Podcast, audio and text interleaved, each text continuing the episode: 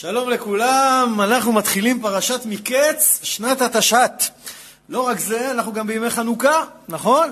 אז בכלל, אנחנו נראה שקודם כל, יש קשר. ויהי מקץ שנתיים ימים ופרעה חולם, והנה עומד על היאור. אז קודם כל בואו נתחיל מה הקשר בין מקץ לבין חנוכה. אנחנו נראה בפרשה שלנו, פרעה חולם חלום. מה הוא חולם? כולם יודעים. איך פרות רזות אוכלות פרות שמנות, ואיך שיבולים שדופות בולעות שיבולים טובות ושמנות. זאת אומרת מה? החלשים מתגברים על החזקים. גם בחנוכה החלשים התגברו על החזקים, נכון? המכבים, לכאורה החלשים, התגברו על היוונים. עוד רמז לחנוכה בפרשה שלנו, זה כשבאים האחים וכבר יוסף, מה שנקרא, באים לאחים ליוסף, כתוב, ותרב מסד בנימין ממסד כולם חמש ידות. יענו שמה שבנימין הביא היה פי חמש יותר טוב כביכול. מה זה חמש ידות? יש לנו חמש פעמים יד בעל הניסים שאנחנו קוראים בתפילה. נכון? מסרת גיבורים ביד חלשים, רבים ביד מעטים, טמאים ביד טהורים, רשעים ביד צדיקים וזדים ביד עוסקי תורתך. אז חמש ידות, אז זה עוד רמז בפרשה. מקום נוסף, זה שהם באים ליוסף הביתה, אז הוא אומר לממונה על ביתו, הוא טבוח טבח ואכן. מהחטא של טבח, כולל המילה ואכן, יוצא המילים חנוכה, אותיות חנוכה. אז עוד רמז. וכמובן, יש שם, הוא אומר, אומרים לו, אדוני שאל את עבדיך לאמור, יש לכם אב או אח? ונאמר על אדוני, יש לנו אב זקן, אב זקן זה רמז להלל הזקן, שאנחנו מדליקים לפי שיטת בית הלל, שבכל יום מוסיפים נרות. בית שמאי אמרו, ביום הראשון מדליקים את כל השמונה נרות, ומיום יום מורידים. בית הלל אמרו לא, כל יום מוסיפים. אנחנו עובדים משיטת בית הלל. למה אגב? בואו נסביר אולי. כי אנחנו מעלים בקודש ולא מורידים בקודש. בית שמאי אמרו בהתחלה שניקו את הארץ היה הרבה טומאה. היה צריך הרבה אור לגרש הרבה חושך. בית שמאי אמרו לא, אנחנו לא פה בשביל לגרש חושך, אנחנו פה בשביל להפיץ אור.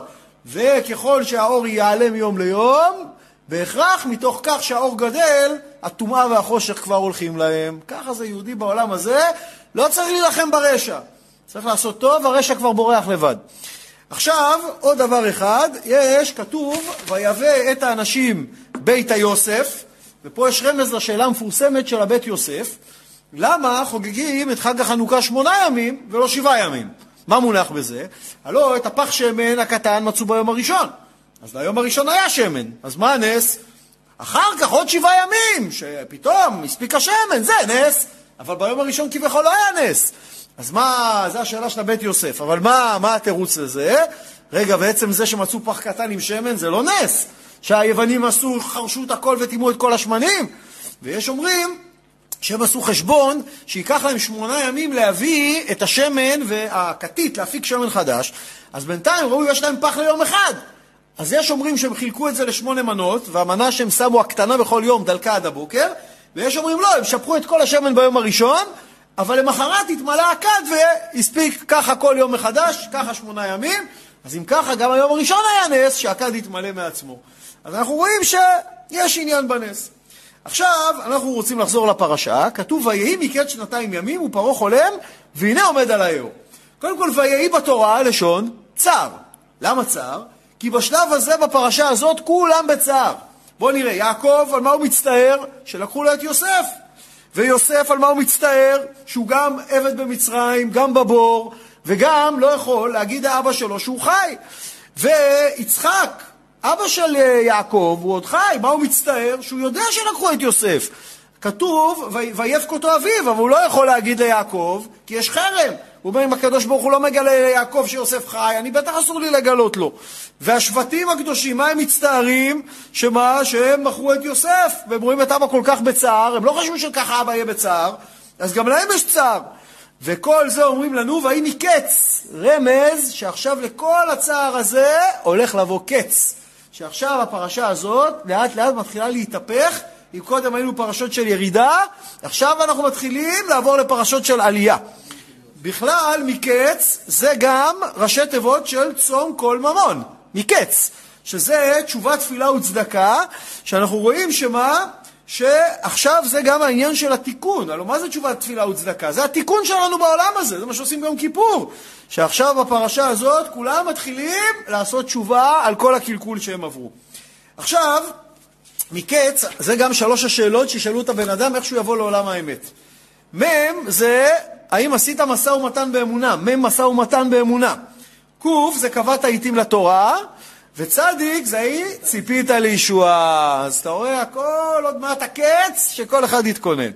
עכשיו, בואו נראה, מקץ שנתיים ימים, הלא יוסף היה אמור לצאת מבית האסורים אחרי עשר שנים, ומה? לפתור לפרות החלום ולעלות לגדולה. אבל בגלל שהוא אמר לשר המשקים, כי אם שכרתני איתך כאשר ייטב לך, ועשית נא עמדי חסד, והזכרתני אל פרעה, והוצאתני מן הבית הזה, כתוב, הוא אמר לשר המשקים, שכרתני והזכרתני, ושמח על בן אדם, בגלל הדבר הזה, הוא קיבל על כל מילה עוד שנה. זאת אומרת, שתי מילים, שכרתני והזכרתני, קיבל עוד שנתיים בכלא. ומידה כנגד מידה, איך נגמרה הפרשה הקודמת? ולא זכר שר המשקים את יוסף וישכחהו. לא זכר כנגד זכרתני, וישכחהו כנגד והזכרתני. זאת אומרת, מה הטענה אבל? אני לא מבין. מה, יוסף עשה השתדלות. לא, מה הבעיה? מה, בן אדם לא נדרש לעשות השתדלות? מה, צריך לשבת בבית, לחכות לנס? אומרים לו, לא, לא, לא תסמוך על הנס. אבל יוסף זה היה משהו אחר. יוסף היה צריך לראות שהוא, מהרגע הראשון שהוא מגיע, הגיע למצרים, הוא בהשגחה פרטית. הלוא מרגע הראשון לא נמכרת להיות סתם עבד. נהיית על הדקה הראשונה עבד של המשנה למלך, שר הטבחים. כבר הגעת לבית של אצולה. תוך זמן קצר ביותר, כל אשר הוא עושה, שמצליח בידו. כל מה שאתה נוגע, נהיה זהב. אחר כך מינו אותך להיות מנכ"ל. טוב, היה לך בלאגן עם האישה של האדון, זרקו אותך לכלא. צ'יק צ'יק בכלא, נהיה מנכ"ל הכלא. הוא כבר שר בית האסורים, נותן לו לנהל את העניינים. אתה רואה שהולך לך מה שנקרא בקלות. תחשוב, הקדוש ברוך הוא מנהל את העולם. מה אתה סומך לי על בן אדם? אז כנגד זה היה עוד שנתיים. ומה זה קשור לפרשה שלנו? כי כתוב, האם יקרת שנתיים ימים ופרעה חולם חלום. פרעה התחיל לחלום את החלום הזה כבר לפני שנתיים. כל לילה הוא היה חולם את החלום, רק מה? יוסף עוד היה בבור, לא היה זמן שלו להיגאל. אז הוא רק היה מאוד נרגז, והוא לא, לא, לא זכר את החלום. זאת אומרת, הוא שנתיים חולם, הוא יודע, הוא קם בבוקר, הוא כולו מרוגש, הוא לא מבין למה. רק אחרי שנתיים, שהגיע הזמן של יוסף לצאת מהבור, אז פרעה התחיל לזכור את החלום, ואז הוא קרא לכל החרטומים. ומה קורה בחלום של פרעה? כתוב ככה, והנה עומד על היאור. שזה כבר דבר מוזר, מה זה לעמוד על היאור? תכף נראה. והנה מן היאור עולות שבע פרות יפות מראה ובריאות בשר, ותראינה באחו, יוצאות מהיאור שבע פרות, שמנות כאלה יפות ורועות. והנה שבע פרות אחרות עולות אחריהן מן היאור, רעות מראה ודקות בשר, אחרי זה עולות עוד שבע פרות, מה שנקרא שחיפיות, ו... ותעמודנה אצל הפרות על שפת היאור, והן עומדות ליד הפרות, מה שנקרא כל פרה עומדת לידה פרה שמנה, לידה פרה רזה. ותאכלנה הפרות רעות המראה ודקות הבשר את שבע הפרות יפות המראה והבריאות, ויקץ פרעה. זאת אומרת, אנחנו רואים, יש פה חלום מאוד מאוד מאוד מוזר, שלכאורה הוא, הוא לא, לא מסתדר. למה? כי פרות לא אוכלות פרות, נכון? בדרך כלל היה רואה אריות אוכלים פרות, הייתי מבין. אבל מתי פרה בולעת פרה? אז תכף אנחנו נראה שכמובן החלום הזה, תכף הוא יחלום עוד חלום, אבל מה שמעניין זה שהלוא למה הוא חולם חלומות? כדי שיהיה ליוסף סיבה לצאת מהכלא. ויוסף אנחנו נראה שכל הסיפור חיים שלו התחיל בחלומות וממשיך בחלומות, נכון? בהתחלה היה את החלומות שהוא חלם לאחים שלו, ועכשיו זה החלומות שבגללם נמכר למצרים, ועכשיו בזכות חלומות הוא יצא מהבור ויהיה מלך. זאת אומרת, אתה רואה איך לפעמים דווקא בזכות אותו דבר שהפיל אותך אתה יכול גם לעלות למעלה. בכלל אומרים לנו על חלומות, שזה, אומרים לנו חז"ל במסכת ברכות, פרק ט', ששינה זה אחד משישים למיטה וחלום אחד משישים לנבואה. זאת אומרת שאדם בלילה חולם חלום, יש בזה לפעמים משהו. אז כמובן, אנחנו לא, היום אנחנו דור חלש, לא כל דבר זה רציני, עוד מעט אנחנו נדבר, נראה מה זה חלום רציני. אז קודם כל, אז ראינו שהוא ראה שני פלאים בחלום שלו פרעה. קודם כל, בהמה בולעת בהמה, זה נס אחד. והדבר השני, שמה? שהפרות הרזות, אחרי שהן בלעו את השמנות, נשארו רזות. זאת אומרת, הן לא הרזות אכלו ונהיות שמנות, אלא הן ברו, והן נשארו רזות באותה מידה כמו שהן היו לפני שהן בלעו את השמנות, שזה גם משהו לא הגיוני. עכשיו, ויקץ פרעה, וישן ויחלום שנית. ופה אתה רואה מה ההבדל בין יהודי לגוי. למה? כי כשיעקב נרדם שם בהר המוריה, כתוב ויקץ יעקב משנתו, ויאמר אכן יש השם במקום הזה ואנוכי לא ידעתי. זאת אומרת, הוא מיד קם, וישכם, וזה, פרעה מתעורר, אה, רק חלום. כתוב, וישון ויחלום שנית. חזר מיד לישון. לא, עוד לא התרגש בשלב הזה. זאת אומרת, עכשיו בואו נראה מה הוא חולם בחלום השני, והנה שבע שיבולים עולות בקנה אחד, בריאות וטובות. רואה שבע שיבולים, מה זה עולות בקנה אחד? קנה אחד זה סמל לאחדות, סמל לחוזק. למה? אם תשימו לב, הסמל של הרומאים, יימח שמם, היה צרור קנים. למה? יש סיפור על הזקן שעמד למות. ואז הבנים שלו באו, התאספו סביבו, והוא רצה ללמד אותם מה כוחה של האחדות. אז הוא אמר, תביאו לי צרור קנים. אמר, מי שישבור את כל הצרור, אני אתן לו את כל הירושה. אז כולם ניסו, לא הצליחו. אמרו, תביאו לי, אני אשבור. הביאו לו, עשה? פירק את הצרור לקנים בודדים, שבר קנה קנה. אמר להם, אתם רואים בניי? כל עוד תהיו מאוחדים, אי אפשר לשבור אתכם. אז פה אנחנו רואים צרור קנים, זה משהו חזק, זה עולות בקנה אחד, זה משהו חזק וזה, ובריאות וטובות, מלאות חיטה יפות, והנה שבע שיבולים דקות ושדופות, שטופות קדים צומחות אחריהם. מה זה שדופות קדים? אז השדופות קדים, הכוונה שאין בהם קמח. מה הכוונה? אנחנו יודעים, יש לנו את המלקוש. המלקוש זה הגשם האחרון. למה הוא נקרא מלקוש? כי הוא ממלא את השיבולים בקמח, הוא ממלא את הקש בקמח, מלקוש, מלא קש, ממלא את הקש. מה קורה עם החקלאים, במקום מלקוש, בא להם רוח קדים, רוח מזרחית, כל החיטה תתייבש, כל היבול ילך. אז הם נורא פוחדים מזה. אז אם ככה, מה זה שטופות קדים? שרוח קדים ייבשה אותם ואין להם, קמח בכלל. זה מה שנקרא שיבולים, אין בהם כלום. אז הוא רואה את השיבולים האלה, בכלל, גם אנחנו נראה, יש פה עוד, עוד רמז לחנוכה. מה זה שבע שיבולים עולות בקנה אחד? כמו המנורה. יש קנה אחד ושבעה קנים. כמה רמזים, איך לא סתם אומרים לחיות את פרשת השבוע. תמיד צריך לחיות. הנה, בואו נקרא רגע מה כתוב בשמות. ועשית מנורת זהב טהור, ושישה קנים יוצאים מצידה, מצידיה, שלושה קני מנורה מצידה אחד, ושלושה קני מנורה מצידה השני. כולה מקשה אחת, זהב טהור, עשית את נרותיה שבעה.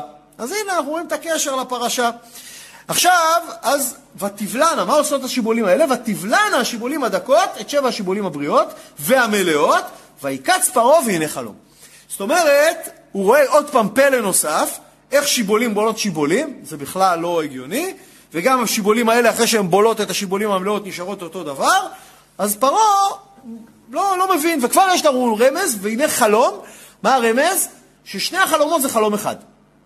זה לא שני חלומות, תכף נראה למה זה חשוב. ויהי בבוקר ותיפה הם רוחו, וישלח ויקרא את כל חרטומי מצרים ואת כל חכמיה, ויספר פרעה להם את חלומו, ואין פוטר אותם לפרעה. ומה מונח בדבר הזה? למה? קודם כל פרעה מוטרד, הוא מבין שיש פה מסר, מסר אלוהי, זה לא דבר נורמלי, והוא מאוד מוטרד. כתוב, ותיפעם רוחו, רש"י אומר לנו, מתרפה רוחיה ומקשקשת בתוכו כפעמון. כאילו, כמו בן אדם לפעמים יש לו חוסר מנוחה, אז הוא לא, הוא לא, הוא לא יכל להירגע. לא יכל להירגע, אי אפשר להרגיע אותו. וזה, באו כל החכמים. עכשיו, מצרים, צריך להבין, החרטומים זה לא היה סתם כאלה יועצים. זה היו מכשפים, הם ידעו, היה להם עצמות של אנשים, הם ידעו להגיד עתידות, כשפים, היה להם כוחות תנועה אמיתיים. אבל אף על פי כן, הקדוש ברוך הוא בכוונה סתם להם את התבונה שלא יעלו על הפתרון, כי זה, כל הרעיון שהוא חולם זה שיוסף יעלה לגדולה, לא הם. אז עכשיו, בכלל אומרים לנו, כתוב בגמרא, עשרה קבין כשפים ירדו לעולם, תשעה נטלה מצרים.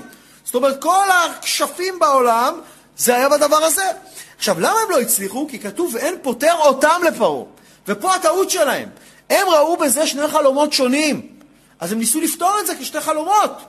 אז הם ניסו, והם לא ראו שזה חלום אחד. תכף נראה שיוסף יתייחס לזה כחלום אחד. אז בגלל שכתוב, הם פוטר אותם לפרעה, אז הם לא הצליחו לפתור, כי הם הבינו שיש פה שני חלומות ולא הבינו שזה חלום אחד.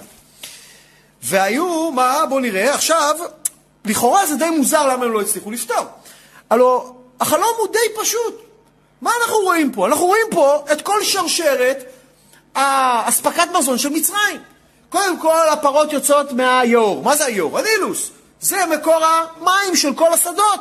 אין להם גשם במצרים. כל המים מושקים והשקית ברגליך. דבר שני, הפרות, מה משמשות הפרות? לחרוש את השדה. אז אם אתה רואה שהיאור יוצא מהיאור דבר רע, ובולע את הפרות הטובות שאי אפשר יהיה לחרוש, ואחר כך אתה רואה שיבולים רעות בועלות שיבולים טובות. מה כל כך מסובך? ושבע, לא כזה צריך להיות איזה גאון להגיע שיש שבע שנות רעב, שיבלעו את השבע שנים הטובות. אז למה הם לא הצליחו לעלות על זה? מה מונח בזה? מה שבלבל אותם, זה דווקא חידוש לרבי מלובביץ', משהו מדהים, שכתוב ותעמודנה אצל. אמרנו שהיה רגע מסוים בחלום שהפרות הארזות עמדו ליד הפרות השמנות ואז בלעו אותן. ופה זה לא הסתדר להם. כי אם השבע הפרות הרעות מייצגות שבע שנים רעות, והשבע פרות השמנות מייצגים שבע שנים טובות, לא יכול להיות כרונולוגית שיהיה רגע שהשבע שנים האלה יהיו עם השבע שנים האלה ביחד. זאת אומרת, היה, לכאורה צריך להיות שבע, שבע פרות אה, שמנות, ואחר כך הן הולכות, ובעוד שבע פרות רזות. אז זה היה מסתדר להם. אבל כשכתוב ותעמודנה אצל, שהם עמדו ביחד, שבנקודה מסוימת בחלום עמדו 14 פרות בצנע, זה אמרו, זה לא יכול להיות שנים. ואז, מה הם התחילו לעשות? הם התחילו לנסות להבין איך הטוב והרע מתקיים ביחד בו זמנית. כי בשבע שנים רעות לא יכול להתקיים בו זמנית עם שבע שנים טובות. אז הם התחילו להגיד לו, לתת לו פתרונות, שיהיה לו שבע בנות אתה מוליד, ושבע בנות אחרות אתה קובר, או שבע עמים אה, אה, תכבוש, שבע עמים ימרדו בך, שלכאורה זה דברים שיכולים להתקיים ביחד, הרע והטוב יכול להתקיים ביחד. אבל פרעה זה לא הניח את דעתו. למה? כי, למה זה לא הניח את דעתו? כי תמיד בסוף אצלהם הוא היה מפסיד. כי תמיד בסוף היה לו גורם לו דבר טוב, אבל גם דבר רע. ולא לא הסתדר לו, הוא לא היה מוכן לקבל את הפתרונות שלהם.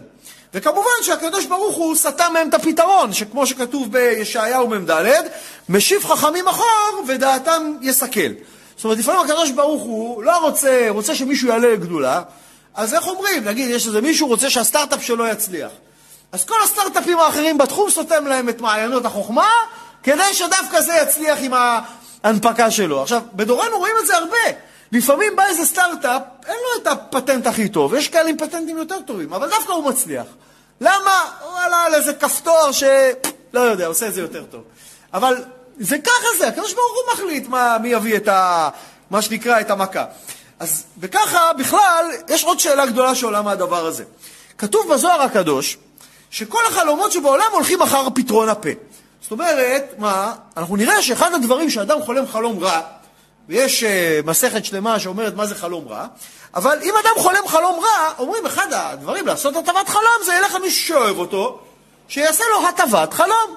איך עושים? הוא יגיד לו שלוש פעמים, ישמע את החלום, ויגיד לו שלוש פעמים חלמה טבח הזה, חלמה טבח הזה, חלמה טבח הזה, או בעברית, חלום טוב חלמת, חלום טוב חלמת, חלום טוב חלמת. למה זה חשוב? כי מה שהוא יגיד זה מה שיהיה. היה, אם בן אדם חס ושלום, הוא לא ידע, אני אגיד לכם, יש סיפור, שזה בראשית רבה, שזה, שם הסיפור זה כאשר פתר לנו כן היה. מה זה אומר? על מה מספר לנו הסיפור? בואו אני אספר לכם, סיפור מעניין. מעשה באישה שבאה אצל רבי אליעזר. עכשיו, היא באה, היה לה חלום רע, היא באה לרבי אליעזר שיפתור אותו. אמרה לו, ראיתי בחלום שקורה של ביתי פקעה. נפלה לה קורה בבית. עכשיו, הוא ידע מה זה אומר. זה אומר שבעלה הולך למות, אבל הוא לא רצה להגיד את זה, כי החלום הולך אחרי הפה. אמר לה, את יולדת בן זכר והוא חי. הלכה והיה לה כן. למה? כי הוא פתר לה את החלום לטובה. באה פעם אחרת לשאלו, הוא מצא את תלמידיו יושבים שם, ורבם לא היה אצלם. עוד פעם חלמה את החלום הזה, והיא באה עוד פעם, והוא לא היה, היו רק התלמידים בישיבה. אמרה להם, היכן הוא רבכם? אמרו לה, מה, תגידי לנו מה את מבקשת. אמרה, מה, מה, מה קרה, למה צריכה את הרב? אז אמרה, ראיתי בחלומי שקורת ביתי פקע. עכשיו הם, במקום אה, לחשוב רגע שהחלום הולך אחרי הפתרון, הם רצו להיות חכמים, אה, אנחנו יודעים מה זה. אז מה אמרו לה? אמרו לה, אותה אישה קוברת את בעלה. כיוון שיצא מהם, התחילה מייללת. הלכה, שמעה כזה בשורה רעה, התחילה לבכות. שמע רבי אליעזר קולה, פתאום הוא בא חזר, רואה אותה יוצאת בוכה. אמר להם, מה אמרתם לאישה הזאת? למה יצאה בוכה מבית המדרש? אמרו, האישה ההיא באה לשאול אותך שאלה, וסיפרו לו את כל הסיפור, מה היה? אמר להם, עבדתם אדם. ולא כך, וכבהי כאשר פתר להם, כן היה, לא כתוב ככה. זאת אומרת, מה קרה פה למעשה? מה שהם אמרו, ככה נהיה, כי החלום הולך אחרי הפתרון, הרגו את בעלה. כמה צריך להיזהר? אז אם בן אדם בא לחבר שלו, מספר לו חלום, גם אם הוא לא מבין, אסור להגיד, בואנה, זה נראה לי, לא יודע, אולי אתה הולך לאבד את כל העסק. חס ושלום, זה יכול ללכת אחרי הפתרון. תגיד לו, מה פתאום, חלום טוב חלמת, חלום טוב חלמת, חלום טוב חלמת, והקדוש ברוך הוא יהפוך את המילים שלך לפתרון טוב. כמה צריך להיזהר, כמה כוח יש לנו בפה. אז אם ככה עולה שאלה, אם החרטומים פתחו לפרעה את החלום, אמרו לו שבע בנות אתה מוליד, שבע בנות אתה... איך החלום לא הלך אחרי הפתרון שלהם? הלוא אנחנו רואים שהולך אחרי הפתרון, הם נתנו לו פתרונות. למה זה לא קרה כמו שהם אמרו? אה, כי כדי שהחלום ילך אחרי הפתרון, יהודי כשר צדיק צריך לפתור את זה. יהודי שהוא נשמה, אלוקא ממעל ממש, ויש לו ברית קודש, ברית מילה, רק כשיהודי פותר את זה, זה הולך אחרי הפה. שגוי פותר זה לא מעניין, שיגיד מה שהוא רוצה. הבנתם? עכשיו, בואו נראה מה קורה. אז, ותיפעם רוחו, בסדר. עכשיו פרעה לא רגוע, החלום מקשקש, מה שנקרא, מטריד אותו. עכשיו, אז מה הוא עושה? אה, אין פותר אותו זה, וישלח ויקרא כל חרטום ממצרים, אמרנו, ואין פותר אותם לפרעה. פתאום, מי, מי, מי לוקח את המיקרופון? וידבר שר המשקים את פרעה לאמור. את חטאי אני מזכיר היום. פתאום שר המשקים, אחרי שנתיים, נזכר במי? ביוסף בבר. הוא אומר, רגע, רגע, רגע, היה פה איזה יוסף אחד שפתר לי ולשר האופים את החלום, וצדק, כל מה שהמילה הוא אמר, קרה. אז בוא אולי נביא לפרעה את היוסף. תכף נראה, הוא לא היה כזה צדיק, בואו נראה. אז מה הוא אומר? את חטאי אני מזכיר היום. למה חטאי? כמה חטאים הוא חטא? הלוא מה היה החטא של שר המשקים? שהוא הגיש לפרעה כוס עם יין והיה זבוב בפנים. הוא היה צריך להגיד את חטאי אני מזכיר היום. כאילו, הוא צריך להזכיר לו שהוא היה בכלא. למה היית בכלא? אתה זוכר, פרעה, הגשתי לך כוס עם יין וזבוב? אז עכשיו, למה הוא לא רצה עד עכשיו לדבר? כי מי רוצה להזכיר את הפדיחות שלו למלך? אולי המלך כבר שכח? אז למה הוא אומר את חטאי? שני חטאים. חטא אחד זה לפרעה, וחטא שני ליוסף. איפה הכרת הטוב שלך? יוסף הוא פתר לך, הוציא אותך מהבור. תכף נראה שיוסף, האמת, היה צריך לפתור את החלומות הפוך. היה צריך להרוג את שר המשקים, ושר האופים היה צריך לחזור לעבודה. ובזכות יוסף הוא חי בכלל. כי איך אומרים, החלום הולך אחרי הפתרון. אבל הוא אומר את חטאי, גם ליוסף חטאתי, ששכחתי אותו ולא הזכרתי אותו. עכשיו, בוא נשאל שאלה, למה רק עכשיו הוא נזכר? מה הולך פה? הלא, למה אתה שנתיים לא הזכרת את יוסף? מה קרה פתאום נהיית צדיק, אתה בא להזכיר את יוסף? אז הסבר אחד, כתוב ותיפעם רוחו. ראה שר המשקים שפרעה כל כך בחרדה, עוד רגע פורחת נשמתו. הוא אומר, אם הוא ימות, יבוא פרעה אחר, יביא, איך אומרים, new stuff of the white house, יהיה צוות חדש, אני הולך הביתה. וואו וואו, זה המשרה שלי. עדיף להזכיר את חטאיי ולשמור על המשרה ושזה לא ימות. זה הסבר אחד. דבר שני, בא, יש אומרים שפרעה התחיל, אמר לחרטומים, אתם לא שווים כלום. כמו נבוכדנצר, שגם הוא חלם חלום פעם, תכף נראה מה זה היה שם, התחיל להוציא להורג את החרטומים. אז בא שר המשקים, אמר, בוא, בוא נעצור את הטירוף הזה. אני יודע, אולי עוד רגע הוא יהרוג גם אותי. לך תדע את מי הוא הורג. זה פרעה, אתה יודע, זה שליט טוטליטרי, מתחיל להרוג, אתה לא יודע, אתה יודע איפה זה מתחיל? אתה לא יודע אצל מי זה נגמר. אז הוא אומר, רגע, רגע, פרעה, אל תהרוג, יש לי רעיון. אז גם בעניין הזה. דבר שלישי, מה? הוא ראה בזה הזדמנות להציל את המצב ולעלות לגדולה. הוא אמר, אם כל החרטומים פה לא פותרים את המצב, מה יש לי להפסיד? אני אביא את יוסף, מקסימום יוסף לא פתר. מה יגידו? בסדר, אם החרטומים לא הצליח, מי זה יוסף? אבל אם יוסף כן יצליח, הלו, הקופון שלי, אני הבאתי את יוסף, אני מתקרב למלך. בקיצור, הוא לא היה כזה צדיק, הוא היה שר המשקים, אבל את העבודה שלו כנראה הוא ידע טוב. בכלל, גם בנבוכדנצר, כתוב שמה, ותתפעם רוחו. מה היה שם? למה אצלו זה שתי פעימות? כי נבוכדנצר חלם חלום, זה חלום הצלם המפורסם, רק בניגוד לפרעה, הוא גם לא זכר את החלום. הוא קרא לכל החכמים שלו, אמר, תגידו לי מה חלמתי ומה הפתרון. אמרו לו, המלך, מה אתה, מה שאתה מבקש אין דבר כזה, תגיד מה חלמת, אני אגיד לך מה הפתרון. הוא אמר לא. והתחיל להוציא אותם להורג, עד שבא דניאל, אמר לו מה הוא חלם, וגם את הפתרון, זה חלום הצלם המפורסם, שמסביר איך הממלכות אחרי זה יעלו אחת אחרי השנייה, אז אנחנו רואים שחלום, יש לו משמעות גדולה מאוד. עובדה שמה? שחלומות בתורה, יש להם כוח נבואי. אגב, מי הראשון שחלם חלום בתורה? עוד לפני... מי? יעקב. לבן, אבל הם לא הראשונים. אבימלך, שהקדוש ברוך הוא בא לו בחלום ואמר, אם אתה תיגע באישה הזאת, אתה מת על האישה שלקחת. אז אבימלך היה הראשון. אז אתה רואה, הקדוש ברוך הוא, אפילו לרשעים בא לפעמים בחלום. עכשיו, הוא מתחיל להסביר לפרעה מה היה שר המשקים. מה הוא אומר לו? פרעה קצף על עבדיו, נכון? ויתן אותי במשמר בית שר הטבחים, אותי ואת שר האופים. זאת אומרת, יש פה שלושה שרים בפסוק, שר הטבחים, שר המשקים, שר האופים. מה ראשי תיבות? טמא. כי יוסף ירד למצרים להתעסק בטומאה, בטומאת מצרים. אנחנו נראה יותר ויעשה להם גם ברית מילה. אז מתעסק בטומאה. עכשיו, קודם כל, מה הוא אומר? פרעה קצף על עבדיו. אבל הם לא עבדים, הם היו שרים. תכף נראה למה הוא אומר על עבדיו. ונחלמה חלום בלילה אחד, אני והוא, אומר אני ושר האופים חלמנו חלום, לא ידענו את הפתרון, איש כפתרון חלומו חלמנו. זאת אומרת, כל אחד חלם את החלום, אבל גם את הפתרון של השני. איך יודעים? כי אחר כך שהוא אמר את הפתרון לשר המשקים, אז כתוב על שר האופים, וירא כי טוב פתר. איך הוא ידע שהוא יוסף פתר טוב לשר המשקים? כי הוא חלם את החלום של הפתרון. אז הוא ידע. עכשיו, ושם איתנו נער עברי עבד. תראה איזה רשע. הוא משפיל את יוסף. מה הוא אומר? ושם, מה זה שם? בבית סוהר.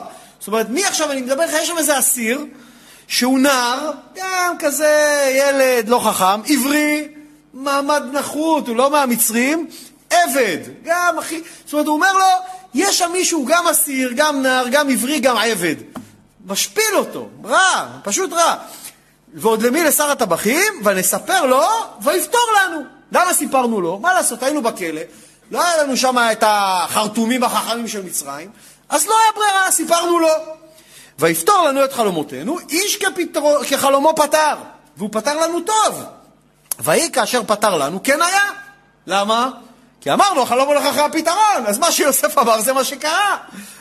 אותי השיב על קני ואותו תלה.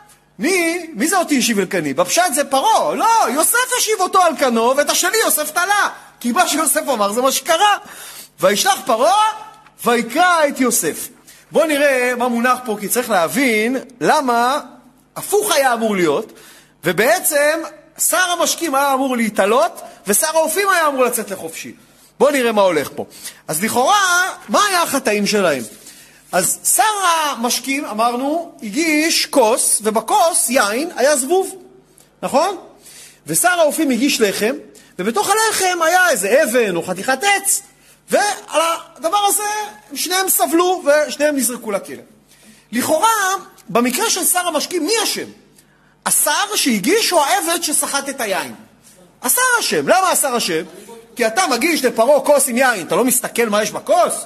העבד במטבח עבד בסדר, אבל אתה מגיש, תסתכל מה אתה מגיש. היית צריך לראות את הזבוב. אבל במקרה של שר האופים, מי אשם? העבד שלא ניפה טוב את הקמח במטבח, או השר שהגיש את הכיכר לחם? העבד אשם. מה, השר יכל, לא היה צריך לפתוח את הלחם, אתה מגיש לחם שלם, יפה. אז השר לא היה יכול לדעת שבתוך הלחם יש אבן.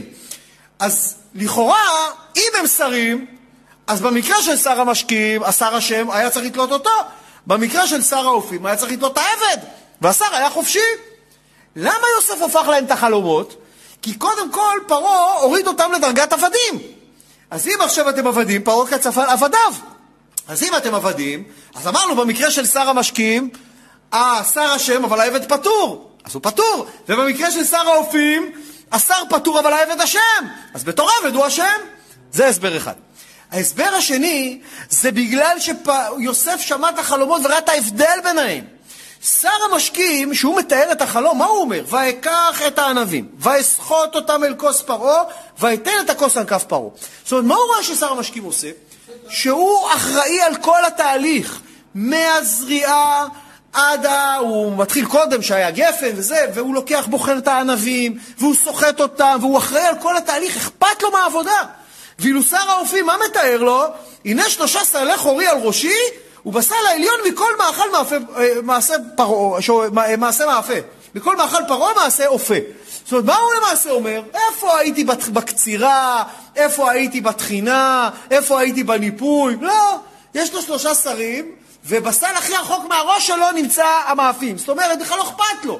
כל מה שאכפת לו זה רק המעמד שלו ולהגיש. אז הוא אמר, אם פה שר המשקים הוא כזה, אכפת לו מהעבודה, והוא מזלזל, אז אותו צריך לתלות. אז מה שיוסף, הפה הקדוש של יוסף אמר, ככה בסוף נהיה הפתרון. עכשיו, מה אומר פרעה? אומר, טוב, אין לי מה להפסיד. להפך, פרעה שמח שהוא אסיר, עבד, נער, עברי. למה? אומר, החרטומים, אולי הם, מה שנקרא, פוחדים להגיד לי את האמת. כל אחד פוחד פה על התפקיד שלו. זה, מה יש לו להפסיד? יותר נמוך מאיפה שהוא נמצא? זה רק מוות. מה יש לו להפסיד? תביאו אותו מיד. טוב, קורא לזה, וישלח פרעה, ויקרא את יוסף, וירצו מן הבור, ויגלח, ויחלף שמלותיו, ויבוא אל פרעה. אז קודם כל, מה זה ויגלח? זה ויסתפר. יוסף אמר, רגע, רגע, רגע, אני לא בא ככה לפרעה. אני עכשיו, יש לי את הפרזנטציה של החיים שלי, זה כמו עכשיו סטארט-אפ, קיבל הזדמנות לעמוד מול המשקיע הכי רציני בעולם ולהציג את ההמצאה שלו. ישים את החליפה הכי מכובדת, יבנה מצגת, יבוא מסודר. יוסף אומר, לא, אני עכשיו יש לי one shot, מה שנקרא. תנו להסתפר, להתגלח, להסתדר. אני רוצה לבוא, להביא אותה כמו שצריך. ויריצו מן הבור. למה ויריצו? מה המהירות? תראה מה זה. שהגיע הזמן של בן אדם להיגאל, הקדוש ברוך הוא ישועת השם כהרף העין. כמו שעם ישראל היו צריכים לצאת ממצרים, מה כתוב? ומצרים ממהרים למהר לשלחם, ממהרים לשלחם. למה? יאללה, אתם צריכים להיגאל, תלכו כבר. יוסף היריצו, הגיע הזמן לצאת, אין דקה מיותרת בבור. זהו, גאולה. עכשיו, עוד דבר, כתוב, אל תקרב ויריצו אלא וירצו. אומרים שהקדוש ברוך הוא שלח מלאכים לנחם אותו. לא נורא יוסף, היית 12 שנה בבור, עכשיו תעלה לגדולה. אז כתוב, אה, לא ויריצו אלא וירצו מן הבור. עכשיו, הוא נעמד לפני פרעה. ותראה מה זה, דבר מדהים. על ידי הבור הוא לקה, ועל ידי הבור הוא עלה. זאת אומרת, זרקו אותו לבור, מה? משם הוא הגיע למצרים להיות עבד, אסיר. ובזכות זה שהוא היה אסיר, הוא נהיה עכשיו הולך להיות מלך. אם הוא לא היה מגיע לבור, הוא לא היה מגיע להיות מלך, היה נשאר איזה עבד בבית פוטיפר, נכון? אז הבור לקה ועל ידי הבור עלה. תראה איך לפעמים הקדוש ברוך הוא יכול עם אותו דבר לזמן לך עלייה וירידה. מדהים, מדהים, מדהים. עכשיו, בואו נראה מה קורה בדו-שיח בין יוסף לפרעה. ויאמר פרעה אל יוסף, חלום חלמתי ופוטר אין אותו. הוא אומר, תשמע, אני, לא סתם אתה פה, אתה פה כי החרטומים שלי לא מצליחים לפתור. ואני שמעתי עליך לאמור, תשמע חלום, נפתור אותו. אני אומר, אין לי ברירה, אני חייב להשתמש בך, כי שמעתי שאתה כבר הצלחת עם הסיפור הזה, אולי אתה הצ'אנס האחרון שלי. ויען יוסף את פרעה לאמור בלעדיי, אלוהים יענה את שלום פרעה. טוב, בואו נראה מה הולך פה בדו-שיח הזה. אז קודם כל הוא אומר לו, אני שמעתי עליך לאמור. הוא אומר, אני שמעתי עליך דברים לא טובים. למה הוא שמע על יוסף דברים לא טובים? כי אשת פוטיפר, שני, כל ה-12 שנה האלה, היא מלכלכת על יוסף. למה? שכל הזמן ידברו עליו והוא לא יצא מהבור. שלא פתאום ייתנו לו איזה חנינה, למה היא רצתה שיהרגו אותו. אז היא כל הזמן מדברת עליו. אז הוא אומר, אני שומע עליך דברים לאמור, שכל הזמן מדברים עליך. על זה מה אומר לו יוסף? בלעדיי. אל תאמין למה שאומרים, כל מה ששמעת זה שקרים. בכלל, או כמובן, מה זה בלעדיי? האלוקים יענה את שלום פרעה? הוא אומר לו, אני? אני כלום, אני רק צינור. אני לא פותר חלומות. הוא אומר, אני שמעתי עליך, לא עליי. אני רק פה שליח. אני פותר חלומות. לאלוקים הפתרונים. אני רק בא לתת את השליחות שלי בעולם הזה. כל יהודי, אם הוא, יש לו איזה כישרון, צריך להגיד בלעדיי. האלוקים. מה, אם אחד יש לו, יודע לעשות כסף. מה זה, אתה יודע לעשות כסף? הקדוש ברוך הוא נתן לך את האפשרות. תעשה עם זה דברים טובים. אחד, אני יודע, יודע אה, לזכות יהודים, אחד יודע לרפות, אחד, כל אחד יש לו איזו תכונה שיודע לעשות טוב לאנשים, שישתמש בזה, אבל שלא יתמלא גאווה, שיגיד, זה השם נתן לי כדי שאני אעשה טוב בעולם. עוד דבר יפה על המילה בלעדיי, דבר מדהים במילה הזאת, היא, היא בנויה מחמש אותיות, והאות האמצעית היא עין. למה? שהעין זה אתה צריך לעיין, לראות את החיים. משתי הצדדים של העין יש את האותיות ל' וד', זה אותיות דל. שאם אתה דל, אתה מקטין את עצמך, את הגאווה שלך, אתה קרוב לעין, אתה יכול לעיין בעיון, לראות את האמת. אבל אם אתה, באותיות הרחוקות מהעין זה ב' וי' בי, אתה מונח בגאווה שלך, אתה מתרחק מהעיון, אתה לא תקבל לראות. אז בבלעדיי יש לנו דל ובי. אם אתה דל, אתה קרוב לעין, אתה קרוב לעיון, אתה תדע את האמת. ואם אתה בי, מלא גאווה, אתה, הקדוש ברוך הוא ירחיק ממך את האמת. אז הוא אומר, בלעדיי, אני דל, זה לא אני. עכשיו, מתחיל פרעה לספר לו את החלום. ויאמר פרעה אל יוסף. מה אומר לו? רגע, וידבר פרעה אל יוסף בחלומי, הנני עומד על שפת היאור. פה יוסף מתפרץ, אומר לו, לא נכון, אתה לא עמדת על שפת היאור. מה כתוב? עומד על היאור. אומר לו, אתה עמדת על היאור. פה פרעה, וואו, עצר. למה? פתאום הוא מבין שיוסף יודע פרטים מהחלום. למה הוא לא אמר לו את האמת? כי זה לא מובן, מה זה בן אדם עומד על היאור? אז הוא אומר, עמדתי על שפת היאור. בכלל, כתוב לנו בתהילים, שפת לא ידעתי אשמע, נכון? למה? מה זה שפת לא ידעתי אשמע? שיוסף שומע אותו אומר על שפת היאור, ויוסף אומר לא, לא, לא, לא, לא. אני שומע אותך אומר, זה לא ידעתי דבר כזה, אני יודע שאתה מטע על היאור, השפת לא ידעתי אשמע. דבר אחר, יש מדרש, המדרש מסביר לנו, שהמפגש הזה בין פרעה ליוסף התחיל בצורה מעניינת. פרעה היה יושב על במה, והובילו אל הבמה הזאת 70 מדרגות. כי פרעה ידע 70 שפות כנגד 70 אומות העולם. והיה לפרעה כלל, היה לכלל במצרים בכלל, מי שיודע הכי הרבה שפות הוא ראוי להיות מלך. אז פרעה ידע את כל ה-70 שפות. ופרעה אמר, כל מי שרוצה לדבר איתי יעמוד מתחת ל-70 מדרגות, אני אשאל אותו שאלה בשפה, אם הוא יודע לענות לי באותה שפה, הוא עולה מדרגה. ככה, הכי מקורבים הצליחו לעלות שש, שבע מדרגות, הכי קרוב לפרעה. טוב, עומד יוסף, פרעה שואל אותו שאלה בשפה אחת, יוסף עונה לו, באותה שפה, עולה מדרגה. שואל אותו פרעה בשפה אחרת, יוסף עונה לו, עולה מדרגה. ככה עוד שפה ועוד שפה ועוד שפה. אגב, גם בסנהדרין, הם גם ידעו 70 שפות. מרדכי היהודי שהיה מהסנהדרין, גם הוא ידע 70 שפות. בגלל זה הוא ידע לשמוע את הבקתן ותרש, שדיברו תורמוסית או משהו כזה, בגלל זה הוא הבין מה הם אומרים. טוב, ככה יוסף עונה לו בכל השפות, עד שבסוף, מדרגה אחרונה, בום, עומד עם פרעה על הבמה. פרעה בשוק. ואז יוסף מתחיל לדבר עם פרעה בשפת הקודש, ופרעה לא מבין. ואז פרעה מבין שיוסף יודע שפה יותר ממנו. ופה פרעה משביע את יוסף שהוא לעולם לא יגלה שהוא יודע יותר שפות ממנו, כי אז אולי ייתנו ליוסף להיות הפרעה הבאה. זה מה שנקרא שפת לא ידעתי אשמע, שפרעה שומע את שפת הקודש ולא יודע מה זה. אה, עכשיו, איך יוסף ידע 70 שפות? מאיפה? אז אומרים שלילה קודם, בכלא, בא מלאך השם ולימד אותו את כל השפות. אבל בהתחלה ניסה ללמד אותו, יוסף לא תפס. כמו שהארי ניסה ללמד את רבי חיים ויטל את כל החוכמות, וכי הארי לא כתב כלום, רבי חיים ויטל כתב את כל כתבי הארי, ולא הצליח לתפוס. מה, אתה יודע מה זה לתפוס את הראש לארי?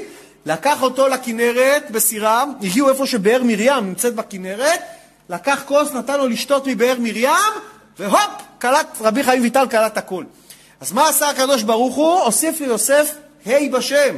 בגלל זה מה כתוב שם? עדות ביהוסף שמו. זאת אומרת, עשה אותו, שמו, שמו בזה. זאת אומרת, עשה אותו יהוסף. ומהה הזאת תפס את כל השבעים שפות. עכשיו יכל זה, טוב. עכשיו, איפה אנחנו נראה את הדבר הזה? שיוסף, בפרשה הבאה, ירצה לעלות לקבור את אבא שלו בארץ ישראל.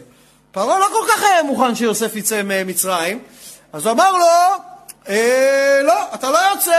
אז יוסף יגיד לו, אבל אבי השביעני לפני מותו. אומר לו, ואם אתה תגיד לי שהשבועה של אבא שלי לא תופסת, אז כל השבועות שנשבעתי פה במצרים לא תופסות. פרעה אומר, רגע, רגע, רגע, אם אני לא אתן לו לקיים את השבועה לאבא, גם השבועה שהוא נשבע לי שהוא לא יגלה שהוא יודע יותר שפות. אז הוא אומר לו, עלה קבור את אביך כאשר השביעך. בסדר, תעלה. אז אם ככה אנחנו רואים שהיה סיבה גם לזה. עכשיו הוא ממשיך לספר לו את החלום, מה הוא אומר לו? והנה מן היאור עולות שבע פרות בריאות בשר ויפות תואר, ותראינה באחו. זאת אומרת, הן רואות באחו. ופה פתאום הוא מבין שיוסף היה איתו בחלום, שהוא מכיר את החלום. איך? הרי מזוב ותראינה באחו. מה הכוונה? הלא, מה זה ותראינה? אם אנחנו רואים פרות רועות, מה צריך להיות איתן? רועה. זאת אומרת, הן לא רואות לבד, יש רועה. פתאום הוא רואה, מי היה הרועה? הוא רואה שיוסף היה הרועה שלהם. עכשיו הוא מבין שהוא זיהה את יוסף מהחלום, שהוא היה ותראנה. עם מי ראו? שיוסף היה הרועה. עכשיו הוא יודע שיוסף מכיר כבר את החלום, כי יוסף היה שם והוא ממשיך. והנה שבע פרות אחרות עולות אחריהן דלות ורעות תואר, מאוד, ודקות בשר לא ראיתי כהנה בכל ארץ מצרים לרוע. למה הוא אומר שהוא לא ראה כאלה פרות במצרים?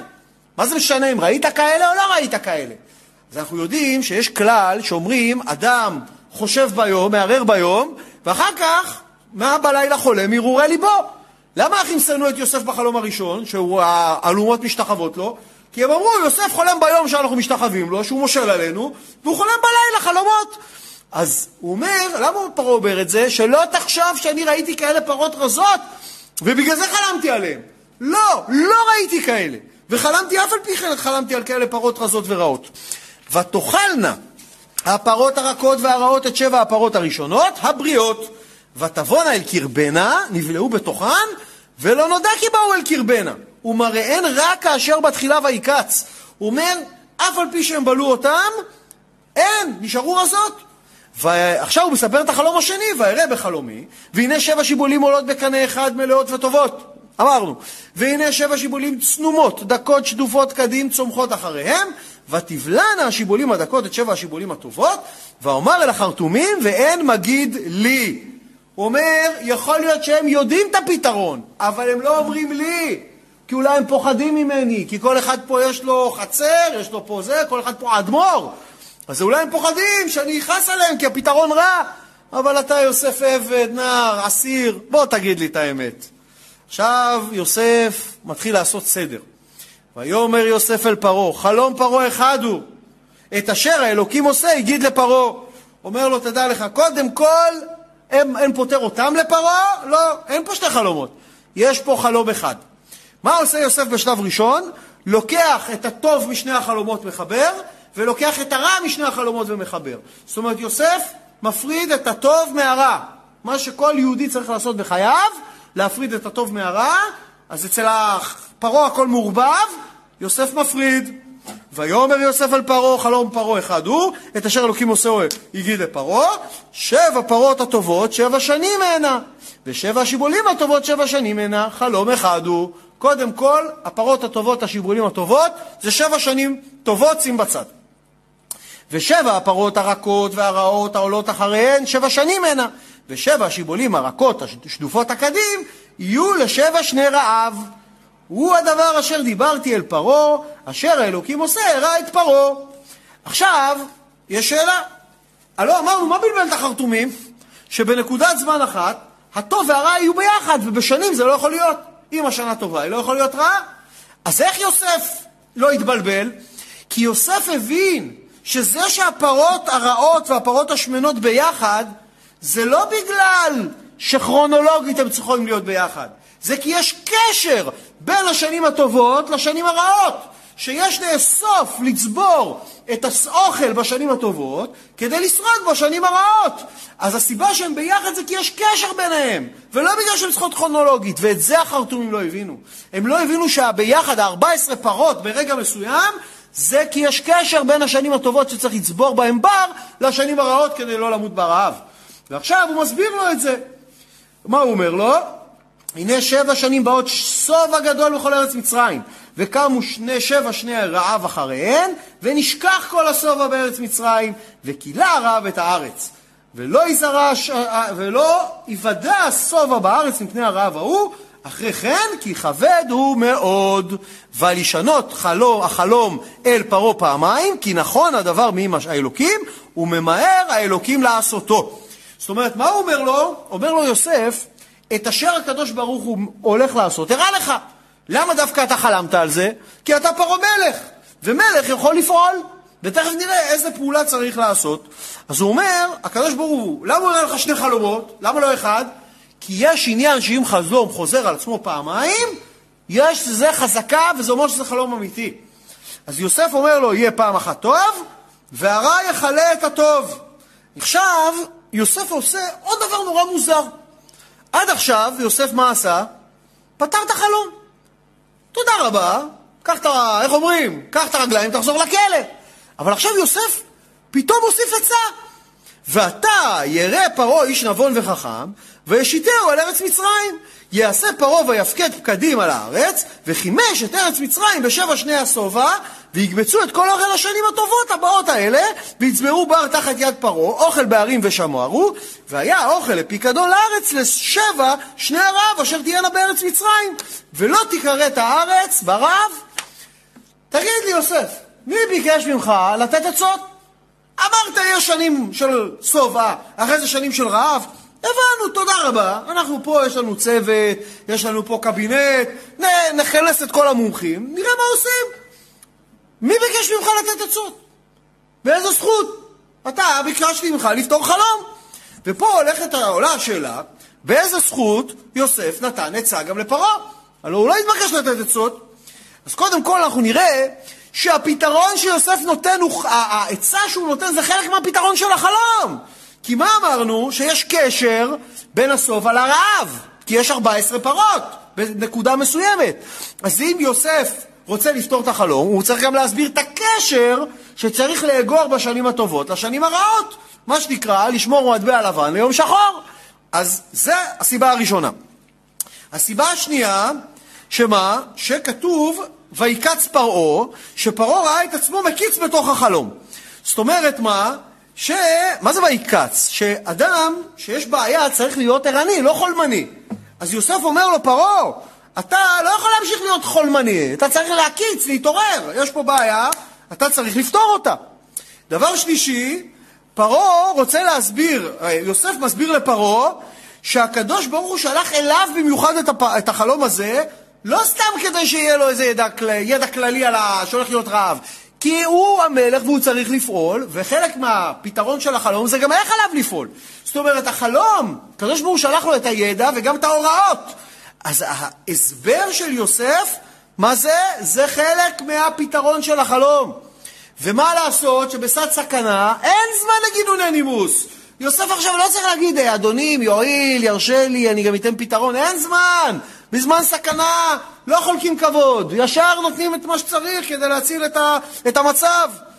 עכשיו, מה הפתרון שהוא אומר לו? הוא אומר, יעשה פרעה ויפקד פקדים על הארץ וחימש את הארץ. אגב, חימש זה עוד פעם רמז לחנוכה. איך כותבים חימש? אין יוד. זה ח' מ' ש'. זה שלושת הגזרות העיקריות שגזרו היוונים על עם ישראל. ח' זה חודש, שאסור לקדש את החודש. מ' זה מילה, שאסור לעשות ברית מילה, וש' זה שבת, שאסור לשמור שבת. אז אלה שלושת הגזרות וחימש. אז עכשיו, מה הוא אומר לו? אתה צריך לגרום, לאגור, חימש. חימש, מה זה חימש? מהמילה חומש. כמה זה חומש? 20 אחוז, חמישית. אז הוא אומר, אתה צריך לקחת 20 אחוז מכל מה שבמצרים יעשו, מה שנקרא מס, 20 אחוז מס, הלוואי עלינו רק 20 אחוז מס, ולקבוץ את הכל, איפה? כל עיר צריך שיהיה מחסנים שלך פרעה, ושם אתה תשים את התבואה של אותה עיר. למה? כי אם אתה תעביר את החיטה ממקום למקום, היא תירקב. כל דבר צריך להיות קשור לשורש שלו. החיטה, וגם עוד דבר, הוא אמר שצריך לקחת מהעפר של אותו מקום ולשים עם החיטה ביחד. תראה כמה הדבר הזה, זה מסר יש בזה, שגם אם יהודי הוא לא קשור לשורשים שלו, הוא נרקב, מה לעשות? אסור, זה כל אחד צריך להיות מחובר לשורש שלו, לשורש אבותיו. אחרי שפרעה שומע את כל הדבר הזה, מה אומר פרעה? ויטב הדבר בעיני פרעה ובעיני עבדיו. טוב, בעיני פרעה אני מבין. עכשיו יש לו פתרון לחלום, הוא יודע מה צריך לעשות. למה בעיני עבדיו? לכאורה בא פה איזה עבד, איזה אסיר, איזה זה, עקף אתכם. אתם לא הצלחתם, הוא הצליח. למה? כי אמרנו, התחיל להוציא אותם להורג. נהיה בלאגן בכל הזה. פתאום פתרו את החלום, אמרו ברוך השם, או מה ש... ברוך מה שהם אמרו, יש מי שפתר את החלום, נרגע. עכשיו, ויאמר פרעה אל עבדיו, הנמצא בזה כזה איש אשר רוח אלוקים בו, הוא אשר רוח אלוקים בו סופי טובות חומר. מה הכוונה? אומר, האם יש לי פה במצרים מישהו שהוא יכול באמת להיות אדם רוחני ולא להיות דבוק בחומר? הלוא כולכם, כולכם, מה מעניין אתכם? רק אתם עצמכם, מה זה מצרים? זה יצרים, זה מיצרים, זה אתם, כולכם רצון לקבל. אומר, האם יש פה אחד שיודע לעשות קידוש בחומר? הלוא אם אני אתן לכם את הג'וב, כל אחד מכם פה השרים שלי, ישר תתחילו קומבינות, כל אחד פה ידאג לאנשים שלו. אתם לא יודעים לצבור. מה זה לצבור? לצבור זה לשים גבול. אתם יודעים, יש לכם שפע, אתם יודעים מה שנקרא לבזבז. אז הוא אומר, האם יש פה ביניכם מישהו שרוח אלוקים בו? מה זה רוח אלוקים? אחד שיודע ללכת לפי הדרך של אלוקים. מה זה הדרך של אלוקים? מה זה תורה ומצוות?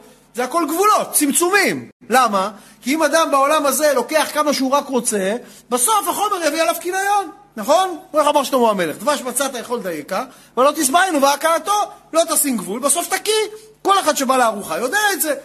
אז הוא אומר, אין לי כזה בן אדם פה. אז מי יכול להיות הבן אדם הזה? אומר, ויאמר פרעה אל יוסף, אחרי הודיע אלוקים אותך את כל זאת, אין נבון וחכם כמוך. הוא אומר, אם אתה קיבלת את המסר הזה להעביר לי, כנראה אתה אותו איש אלוקים שאני מחפש, שיודע לעשות את העבודה. אתה תהיה על ביתי, ועל פיך אישה כל עמי, רק הכיסא אגדל ממך. מה הוא אומר לו? הוא אומר לו, תשמע, הגעת לי טוב, אני יוצא לפנסיה, אני רק אחתום על צ'קים מהיום. מעכשיו אתה המנכ"ל, אתה המלך, אתה הולך לנהל את כל מצרים. רק הכיסא אגדל ממך, שמה? אל תשכח, אני יודע שאתה יודע יותר שפות, אז רשמית, אל, אתה, אני מעליך. טוב, עכשיו פרעה הופך את יוסף למלך. מה נותן לו? נותן לו 11 דברים, בואו נקרא. ויאמר פרעה זה, ויאמר פרעה אל יוסף, ראה נתתי אותך על כל ארץ מצרים, ויסר פרעה את טבעתו מעל ידו, ויתן אותה על יד יוסף, וילבש אותו בגדי שש, פשתן, וישם רבית זהב על צווארו, וירכב אותו במרכבת המשנה אשר לו, ויקראו לפניו אברך, ונתון אותו על כל ארץ מצרים. ויאמר פרעה אל יוסף, אני פרעה ובלעדיי, ובלעדיך לא ירים איש את ידו ואת רגלו בכל ארץ מצרים. ויקרא פרעה שם יוסף צופנת פענח, ויתן לו את אסנת בת פוטיפרה, כהן עון לאישה, ויצא יוסף על ארץ מצרים. בואו נראה מה הוא עשה פה, כי יש פה מהלך מאוד מעניין. 11 דברים פרעה נותן ליוסף. קודם כל, אתה תהיה על ביתי, על פיך אישה כל עמי, ונתן אותו על כל ארץ מצרים, טבעת, בגדי שש, פשתן, שרק המלכים היו הולכים עם זה, רבית זהב על הצוואר, מרכבת משנה, את המרצדס ספייר נתן ליוסף, אה, קוראים שיקראו לו אברך, אה, שבלעדיו איש לא ירים את ידו ואת רגלו, עשר, שם חדש, לא יוסף יותר, צופנת פענח, ו-11, אישה מצרית, אסנת. למה? פרעה רוצה להטמיע את יוסף במצרים. הוא לא רוצה שיגידו שעכשיו בא אסיר עבד עברי נער ונהיה מלך. אז הוא מנסה להטמיע אותו. איך מטמיעים בן אדם? מחליף לו את הלבוש, מחליף לו את השם, נותן לו אישה מצרית, מביא לו את בגדים מצרים, קישוטים מצרים. למה? כדי שמה? שהוא ייטמע, ייבלע במצרים. תראה כמה זה דומה לנו למה? לחנוכה, עוד פעם. מה רצו היוונים? להטמיע את עם ישראל בתרבות יוון. שיקראו להם אה, שמות יווניים, שיבטלו את החגים של היהודים, שהכל, מה, כל אה, אה, בתולה שמתחתנת תיבאה להגמון תחילה. למה? שיווני יהיה איתה קודם יטמא את הנשים. בכלל, מונח בזה דבר מדהים. למה הם רצו שכל אחת שמתחתנת בעם ישראל, קודם קצין יווני יהיה איתה? למה? כי הם רצו, היוונים, להתנקם בשניים שהם לא יכלו עליהם. על מי הם לא יכלו? הם לא יכלו היוונים לא על הנשים של עם ישראל ולא על הכהנים והלוויים של עם ישראל. למה? כי הם ידעו שבחטא העגל, מי לא השתתף? הלווים. לא הנשים ולא הלוויים. עכשיו, מה הם רצו? הם אמרו, כתבו לכם על קרן השור, אין לכם חלק באלוהי ישראל. מה הם רצו לעשות בזה? לעורר את חטא העגל. עכשיו, אבל את חטא העגל על מי אפשר לעורר? על מי שהשתתף בו. אנשים לא השתתפו בו והלוויים לא השתתפו בו. אז עליהם זה לא תופס. אז הם רצו לפגוע בנשים, אמרו כל בתולה שנישאת, קצין יווני קודם יטמא אותה. עכשיו, מה קורה? איך הם פוגעים בדבר הזה גם בכהנים? כי כהן, אם מישהו, גוי, בא עליה, היא פסולה לכהן. כהן לא יכול להתחתן עם מישהי שגוי היה עליה, כי הילדים, היא חללה, מה שנקרא. אז באותו רגע שכל בתולה בא, נמצא איתה גוי, באותו רגע הכהנים כבר לא יכולים להתחתן. אז הם אמרו ככה, גם לא יהיה כהנים בעם ישראל, כל הכהנים יכלו בעם ישראל. אז תראה איך הם רצו להטמיע את עם ישראל בתרבות יוון, אותו דבר פרעה מנסה לעשות ליוסף. רק מה לעשות, יוסף, אף על פי הבגדים והשם והכל, נשאר יוסף הצדיק.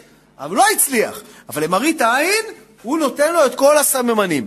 כמובן, פרעה לא ידע שהבת של פוטיפרה זה לא באמת מצריה, אלא מי זאת? זאת אסנת, הבת של דינה, שהיא יצאה מהאונס ששכם בן חמור אנס את אימא שלה את דינה, והיה בושה גדולה בילדה הזאת, אז שלחו אותה למצרים עם קמע, ובזמן שתכף נראה, תכף אנחנו נקרא, תכף שיוסף יוצא על מצרים, כתוב בנות צעדה על אשור, כתוב בתהילים. מה הכוונה? כל הבנות של מצרים שמעו שיוסף מאוד יפה, ושעכשיו הוא צריך להתחתן, כי במצרים אי אפשר שהמלך יהיה רווק. אז אם ככה, מי לא רוצה להתחתן עם המלך, נכון? עם איזה וויליאם או איזה הארי, נכון? כולם רוצות. אז כולם עלו על הגגות, בנות צעדה. למה צעדה? כולם כאיש אחד, מה שנקרא, כבחורה אחת, וכולם זרקו לו תכשיטים לעגלה, כדי ש... שירים את העיניים. אבל יוסף צדיק, הוא שומר אה, ראייה, שומר את העיניים, לא הרים את הראש. באה אסנת, שהיא, היה לה קמע על הצוואר, שכתבו לה שם, מי שדבק בעוד, בא דבק בבית יעקב. עכשיו, היא אומצה על ידי פוטיפרה, אה, והיא עמדה, גם היא זרקה את הקמע על העגלה. יוסף מגיע הביתה עם כל המתנות בעגלה, פתאום רואה קמע. פותח, רואה, מי שדבק בי, דבק בבית יעקב. אומר, או, טוסוס דקאלה, הנה הכלה שלי. וככה הרוויח כלה מבית אבא, יהודייה כשרה. מה, מה מונח בזה? אמרנו שהלא לאה התפללה שלא ייוולד לבן, שיוולד לבת, כדי שלרחל יהיה שני בנים. אז לאה ויתרה על שבט, הקדוש ברוך הוא אינו מקפח שכר בריאה, מהבת של דינה, הבת של לאה, יצאו שני שבטים. אין שבט יוסף, ייוולדו אפרים ומנשה, מנשה ואפרים. אם ככה, בואו נראה עכשיו מה קורה עם יוסף. אמרנו, נתן לו את טבעתו. מה זה הטבעת? הטבעת זה החותמת, בגדי שש זה בגדי פשתן של המלכים, מרכבת משנה, וקוראים לו אברך. מה זה אברך? אומרים לנו, רקו זה מלך, אב זה אבא. אז אברך זה האב של מלך מצרים. כאילו, זה. עוד הסבר אברך, אומרים לנו, אב בחוכמה ורך בשנים. אברך. ועוד הסבר אברך, שם מהמילה ברך, שכולם קוראים ברכיים לפניו. אז זה אברך. ויאמר פרעה אל יוסף, אני פרעה, ובלעדיך לא ירים איש את ידו ואת רגלו בכל ארץ מצרים. מעכשיו, איך אומרים, אף אחד לא מזיז את האוזן, אלא אם כן אתה נתת פקודה. ומה זה צופנת פענח השם שהוא נתן לו? מפנח, מפענח הצופנות. כי הוא פענח את, ה, את החלום שהולך להציל את מצרים. ויוסף בן שלושים שנה בעומדו לפני פרעה, מלך מצרים, ויוצא יוסף מלפני פרעה ויעבור בכל ארץ מצרים. איך 30 שנה? בואו נעשה חשבון. באיזה גיל הוא נמכר? גיל 17. הגיע למצרים, היה שנה בבית פוטיפר, אחרי שנה, אש, אשתו לא עמדה, החזיקה מעמד יותר משנה, נזרק לכלא לעוד עשר שנים. כמה זה? עכשיו יש לנו 17, עוד שנה 18, עוד עשר שנים 28.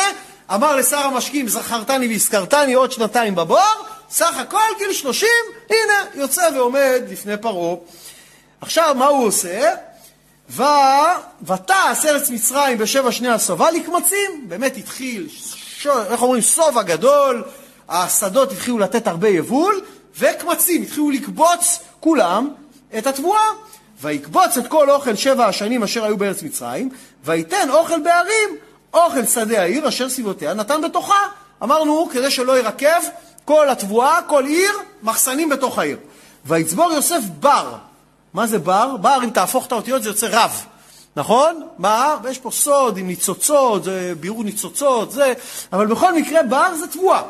בכחול הים, הרבה מאוד, עד כי חדל לספור כן מספר. כבר איך אומרים? נגמר במחשב האפסים. אי אפשר לספור כבר כמה הוא צבר.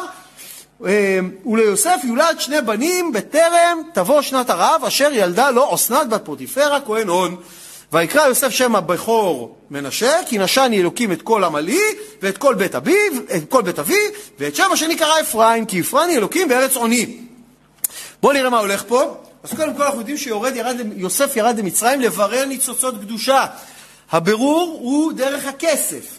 הכסף הוא קודם כל אוסף את האוכל, ואחר כך דרך הזהב שיביאו לו, הוא יברר את כל הניצוצות, את כל הטומאה, את כל הזה, הוא יורד דרך התחתונה שהוא גם עורף את עורלת מצרים.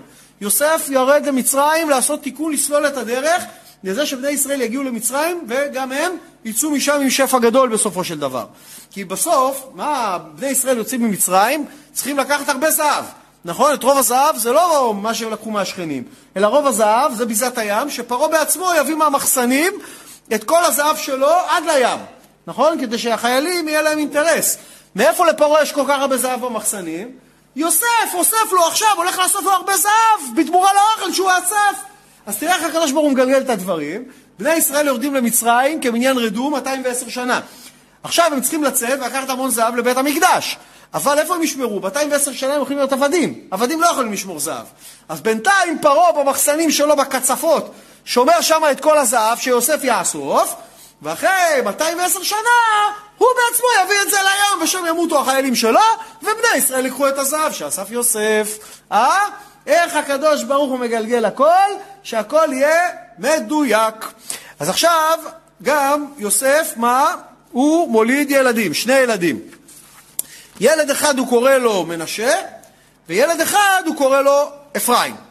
אבל אנחנו רוצים רגע דקה לנסות להבין מה המונח היה בפתרון של יוסף.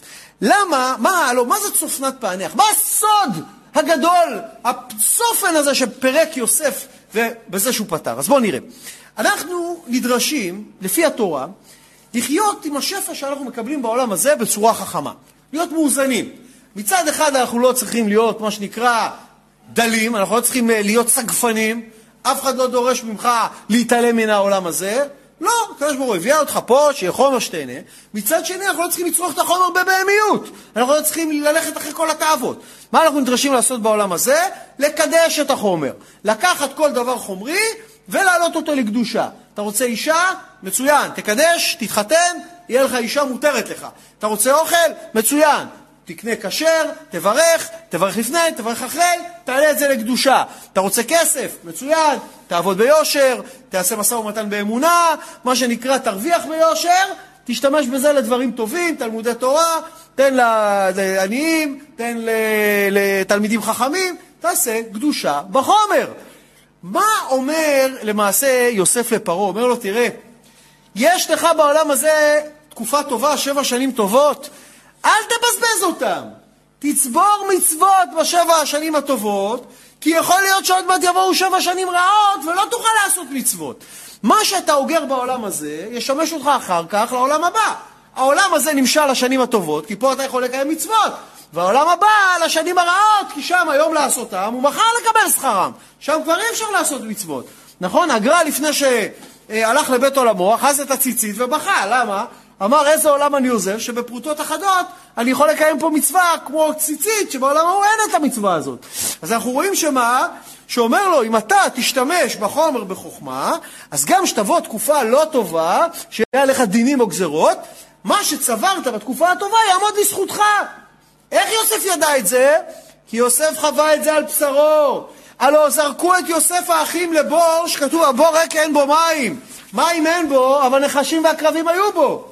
איך זרקו אותו לבור כזה ולא קרה לו כלום? כי יוסף היה צדיק, ולחיה אין רשות לפגוע בצדיק, נכון? כמו דניאל בגובה האריות. כמו רבי דור חלילה בן דוסה והערוד.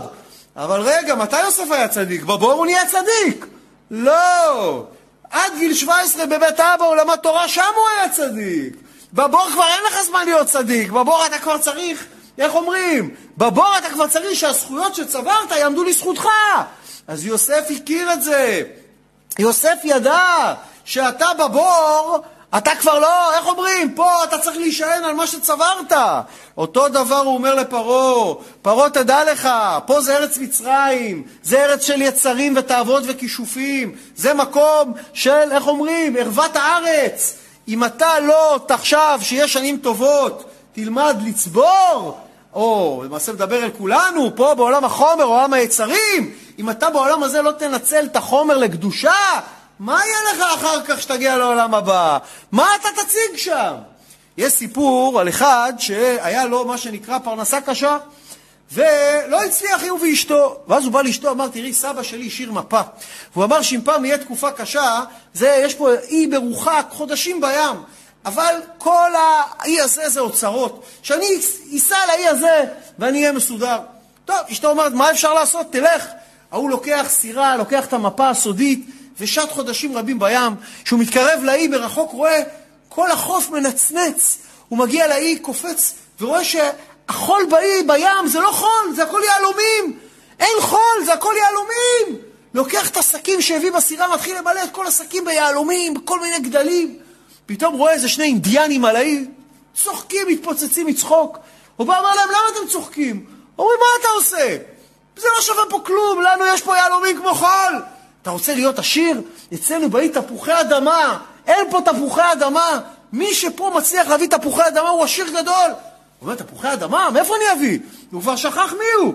אומרים לו, תשמע, יש אי מעבר להרי החושך, אם תיסע לשם, תביא לנו תפוחי אדמה, אתה תהיה פה מלך האי. טוב, מרוקן את השקים היהלומים, שם בסירה, שט, מנווט את הסירה עוד uh, חודשים רבים, מגיע לאיש לתפוחי אדמה, באמת, מגיע, רואה שדות של תפוחי אדמה, קופץ מהסירה, ממלא, אומר, אני אהיה עשיר, הוא כבר שכח מאיפה הוא הלך. קונה, ממלא, ממלא, ואז שם את הכל, ופתאום על האונייה אומר, רגע, בכלל אני, מה לי ולאי? יש לי אוצר, יאללה, חוזר הביתה. חוזר חודשים בים, מגיע, כבר, איך אומרים, כבר משלחת מחכה לו על הרציף, לראות איזה אוצרות הוא הביא, יורד מהרציף, מוריד את השקים, כולם תופסים את האף, הכל תפוחי אדמה רקובים, כולם בורחים הביתה, מביא את השקים הביתה, אשתו צועקת עליו, כל כך הרבה חודשים לא היית פה, מה הבאת? תפוחי אדמה רקובים? אתה לא מתבייש? לך, לך תישן, תנוח, נדבר אחרי זה. בזמן שהוא הלך לישון לנוח, היא טוב, לפחות נציל את השקים. רוקנה את כל הסירחון הזה, ופתאום באחד השקים, מתחת לכל התפוחי האדמה הרקובים, מצא יהלום בגודל של כדור פינג פונג. אחד שנתקע, שנשאר שם. אמרה, איזה גאון בעלי, מצא יהלום כזה יקר, הבריח אותו בתפוחי אדמה רקובים. רצה לצורף, קיבלו המון כסף על היהלום הזה, העירה אותו בנשיקות, אתה גאון. אמר לה, איזה גאון? למה אני גאון? היא אומרת לו, כי מצאתי את היהלום שהחבאת מתחת לתפוחי אדמה רקובים, הוא שווה הרבה כסף. תופס את הראש, התחיל להכות על הראש ולבכות. אומר, אני יכלתי להביא שקים מלאים יהלומים. זה המשל ומה הנמשל. האדם הזה זה אנחנו בעולם הזה. הביאו אותנו לעולם הזה לאסוף יהלומים. תורה, מצוות, מעשים טובים, חסדים, צדקות, לימוד. לעשות פה מעשים טובים, להתגבר על היצרים, לקדש את החומר. ומה אנחנו כל היום מתעסקים? בתאוות, בקשקושים, בבילויים, בחופשות, במסעדות, בדיבורי סרק. תפוחי אדמה רקובים, שנבוא לעולם האמת, יגידו, מה הבאתם בשקים? נפתחו את השקים, כל המלאכים יתפסו את האף מהסירחון. מה אתה הבאת פה, תאוות? מה הבאת פה, שמונה טון אה, אה, לחם שאכלת? מה הבאת פה, אה, חמש עשרה טון סטייקים שאכלת? מה הבאת פה, איזה חמשת אלפים סרטים שראית? ופתאום בתחתית אחד השקים יראו שפעם נתת קצת צדקה לעני, או איזה יהלום שנדבק מתחת לשקים הרקובים. אולי יעשו לך מזה שמה איזה משהו, איזה צ'ופר ייתנו לך על זה. אז אנחנו בעולם הזה, בעולם הזה צריך לאגור. אלה שבע השנים הטובות, למה? כי אחר כך בעולם הבא זה שבע השנים הרעות. שם כבר אי אפשר לאגור. אכן עצמך בפרוזדור, כדי שאחר כך תוכל להיכנס לטרקלין. אז מה אמרו לנו על יוסף? כתוב וישים רבית זהב על צווארו. זה יהודי שלוקח על עצמו עול תורה, זה יהודי שיש לו רבית זהב על צווארו. זה מה שנקרא, שפרעה אומר לו, אתה תהיה על ביתי, על פיך אישה כל עמי. זה אחד ששולט על הפרעה. מה זה פרעה? זה אותיות העפר, אותיות העורף. יהודי ששולט במצרים שלו, ביצרים שלו, בתאוות שלו. זה, רק עם תורה אפשר לעשות את זה. בראתי יצרה, בראתי לו תורה תבלין. זה יהודי שיש לו רבית זהב על צווארו. יוסף, למה הוא נקרא יוסף? מהמילה להוסיף. שכל פעם שמה? תוסיף, תעלה מיכאל אל חיל. עכשיו בואו נראה, ויוסף כתוב, ויוסף הוא השליט על הארץ. הוא המשביר לכל הארץ. מה זה משביר? תראה מה זה, יוסף נהיה לאדם, איש החסד הכי גדול בעולם. הוא זה שמעני חסר כלום נהיה איש השפע הכי גדול בכל העולם. למה? כי מי הוא עשיר? זה השמח בחלקו. למה הוא שמח בחלקו? תדע לכם, בן אדם שנותן לאחרים, הוא יותר עשיר מכל אחד שלא נותן. למה?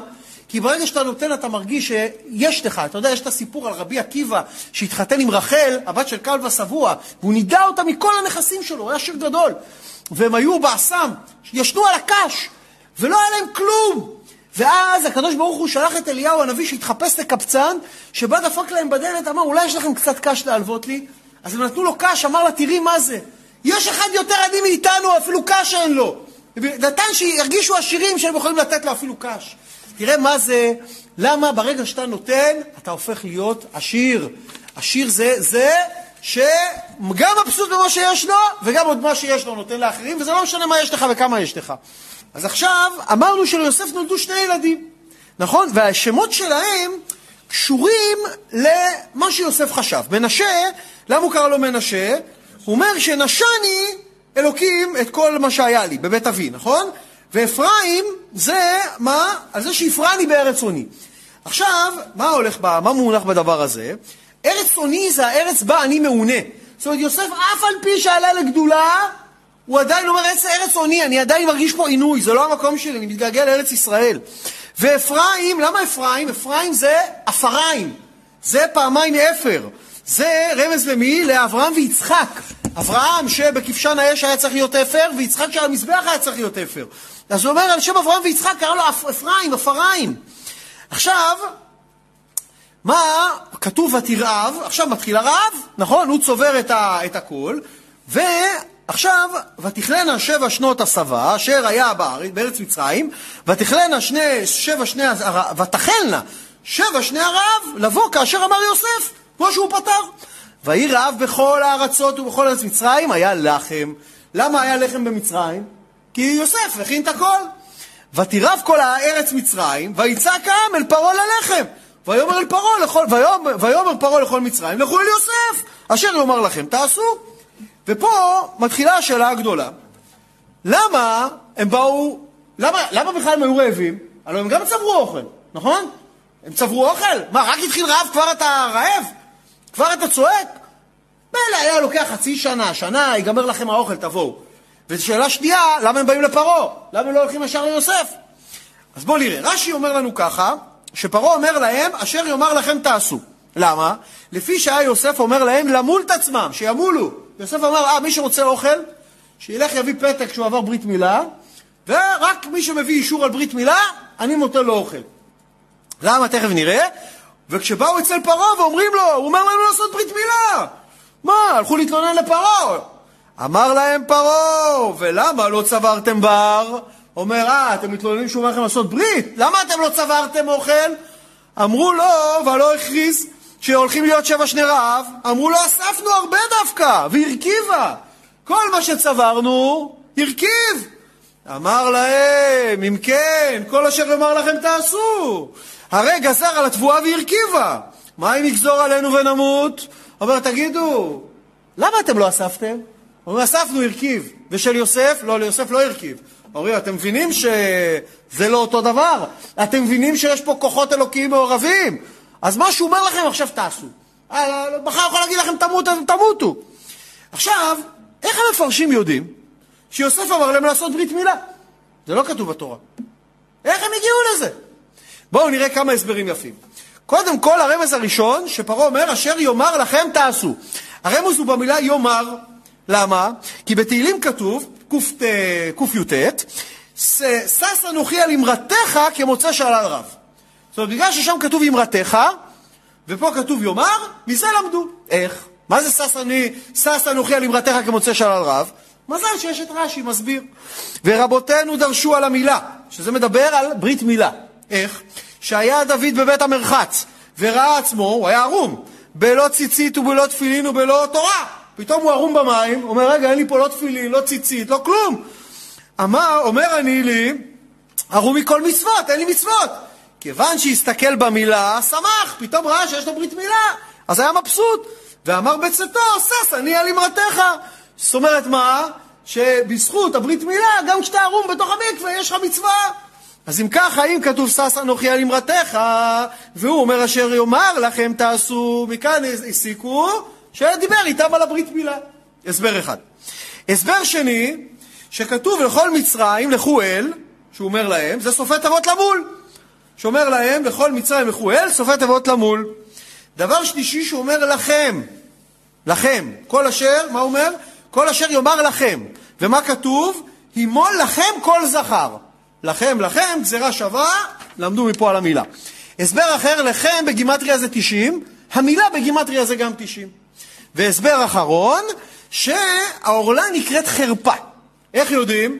כי ראינו בפרשה הקודמת שאנסו את דינה, שלפני זה, מה הם אמרו אחרי דינה? אמרו לשכם בן חמור, לא נוכל לעשות הדבר הזה, לתת את אחותינו לאיש אשר לא עורלה, כי חרפה היא לנו.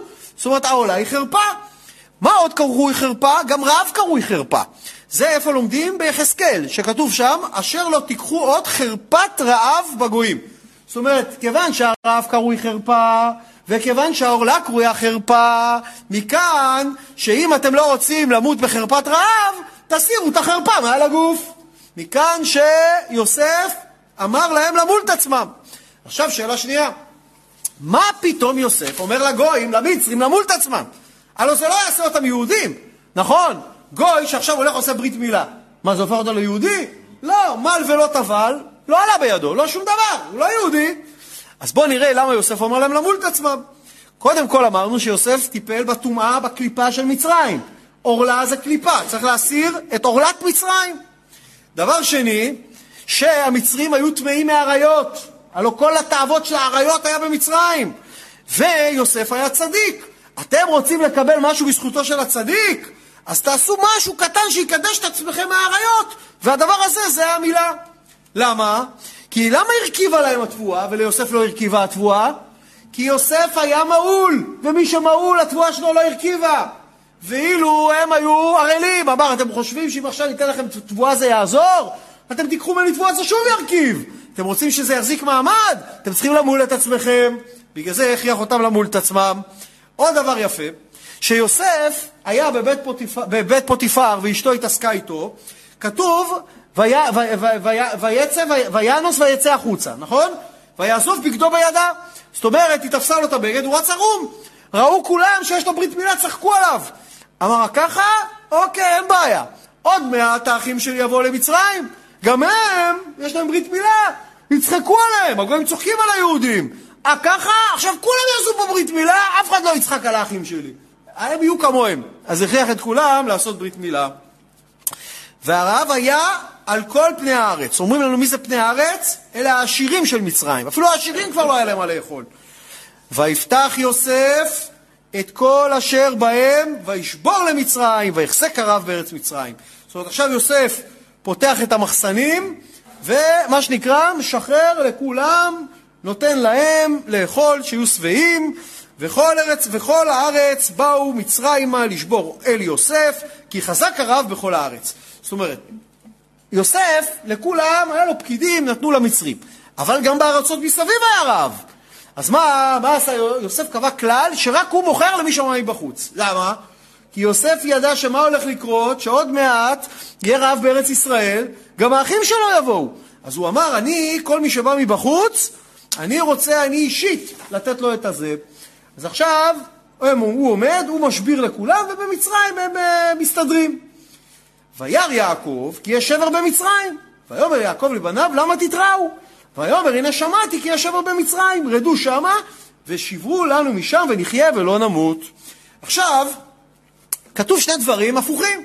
מצד אחד כתוב, וירא יעקב כי יש שבר במצרים, מצד שני, להם הוא אומר, ויאמר, הנה שמעתי כי יש שבר במצרים. אז הוא ראה או שמע? אז האמת שיעקב ראה ברוח הקודש, אבל מצד צניעות אמר להם, שמעתי. לא, לא רצה שידעו שהוא ראה ברוח הקודש. עכשיו רש"י אומר, ראה באספקלריה של קודש שעדיין יש לו שבר במצרים, ולא הייתה לו נבואה ממש להודיע בפירוש שזה יוסף. מה זה שבר? הוא ראה, הוא לא ידע מה הוא ראה, שיבוא ישועה ממצרים. מה זה שבר? שבר זה ראשי תיבות, שם בן רחל. רק הוא לא הבין שהשבר זה יוסף. עכשיו, מה הוא אומר לבניו? ויאמר יעקב לבניו, למה תתראו? מה זה תתראו? אומר, למה, רש"י אומר, למה תראו את עצמכם בפני בני ישמעאל ובני עשיו, כאילו אתם שבעים? כי באותה שעה עדיין היה להם תבואה. מה מונח בזה? הלא, להם היה אוכל במשפחת יעקב. אבל לכל אלה מסביב כבר לא היה אוכל. למה? למה לא היה להם אוכל ולהם כן היה? הסברנו לפני דקה. כי מי שצבר והיה לו ברית מילה, האוכל לא נרקב. וכל מי שהיה ערל מסביב, האוכל נרקב. אז יעקב ובניו, הם גם יש להם ברית מילה, אז גם האוכל שלהם החזיק מעמד. אבל יעקב אומר, אה, זה לא טוב שידעו שיש לנו אוכל, זה יביא עלינו עין הרע, אולי יבואו להילחם איתנו. איך אומרים? אל תתראו, בואו נראה לכולם, גם אנחנו, כאילו גם אצלנו רעב, שגם אנחנו יורדים לחפש אוכל במצרים כמו כולם, שלא ישימו עלינו עין. אז עכשיו, הוא אומר להם, רדו שמה. כמה זה רדו בגימטריה? 210. בדיוק רמז, שזה הזמן שבני ישראל הולכים להיות במצרים. עכשיו, וירדו אחרי יוסף עשרה לשבור בר במצרים, ממצרים. שאלה, למה היו צריכים לרדת עשרה? למה לא שלחו שניים, ארבע, אחד עם עשרה עבדים? מה מונח בזה? אז יוסף היה חכם. יוסף רצה שהחלומות שלו יתגשמו, שהוא יראה את כל האחים משתחווים לו, כי זה הנבואה. אז יוסף קבע שני כללים. כלל ראשון, אסור לשלוח עבדים. כל מי שרוצה לבוא מחוץ למצרים לקחת אוכל, הבעל הבית בעצמו חייב לבוא. כלל שני, כל אחד מותר לו להביא משאית אחת, חמור אחד. למה? ככה יוסף מה הבטיח? קודם כל, שאי אפשר לשלוח עבדים, אז הם חייבים כל העשרה לרדת. דבר שני, לא יכול לבוא אחד עם עשרה חמורים. משלחת, כל אחד מותר לו חמור אחד. אז אין ברירה, כל עשרת האחים צריכים לרדת. אבל רגע, הם היו 11, היה עוד אחד. ואת בנימין אחי, אחי יוסף לא שלח יעקב את אחיו, כי אמר פן יקראנו, יקראנו אסון. זאת אומרת, אמר פחות חמור אחד לא יקרה כלום, נשאיר את בנימין פה, ילכו עשרה, מספיק טוב. עכשיו, בואו נראה מה, למה זה, ויבואו בני ישראל לשבור בתוך הבאים, כי היה הרעב בארץ כנען, זאת אומרת הם באים בתוך הבאים. מה זה בתוך הבאים? שהוא אמר להם אל תתראו, הוא אומר להם גם אל תיכנסו כולכם משער אחד. למה? למצרים היו הרבה שערים.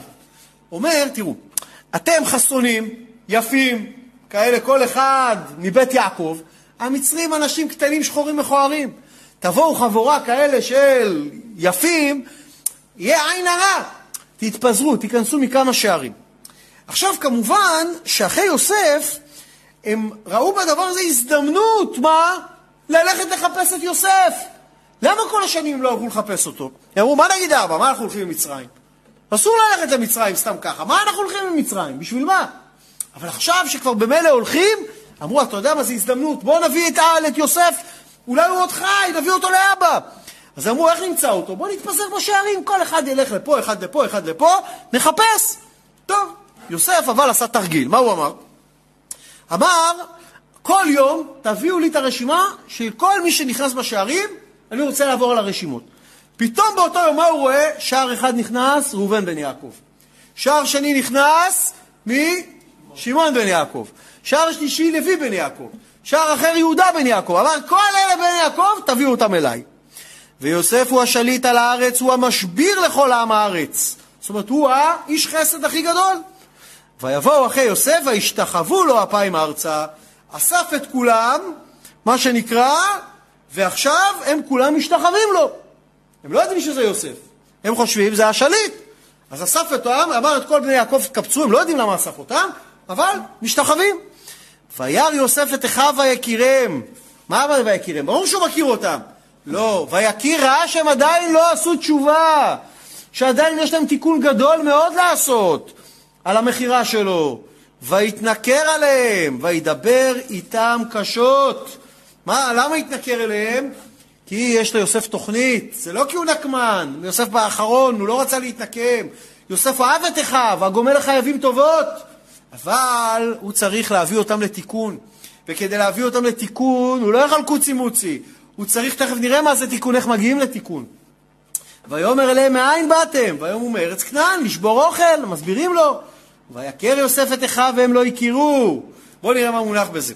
אז קודם כל, למה הם לא הכירו אותו? רש"י אומר שיצא מאצלם בלא חתימת זקן. אז קודם כל, היום היה לו כבר זקן של רבה, שם היה חלק לילד בן 17.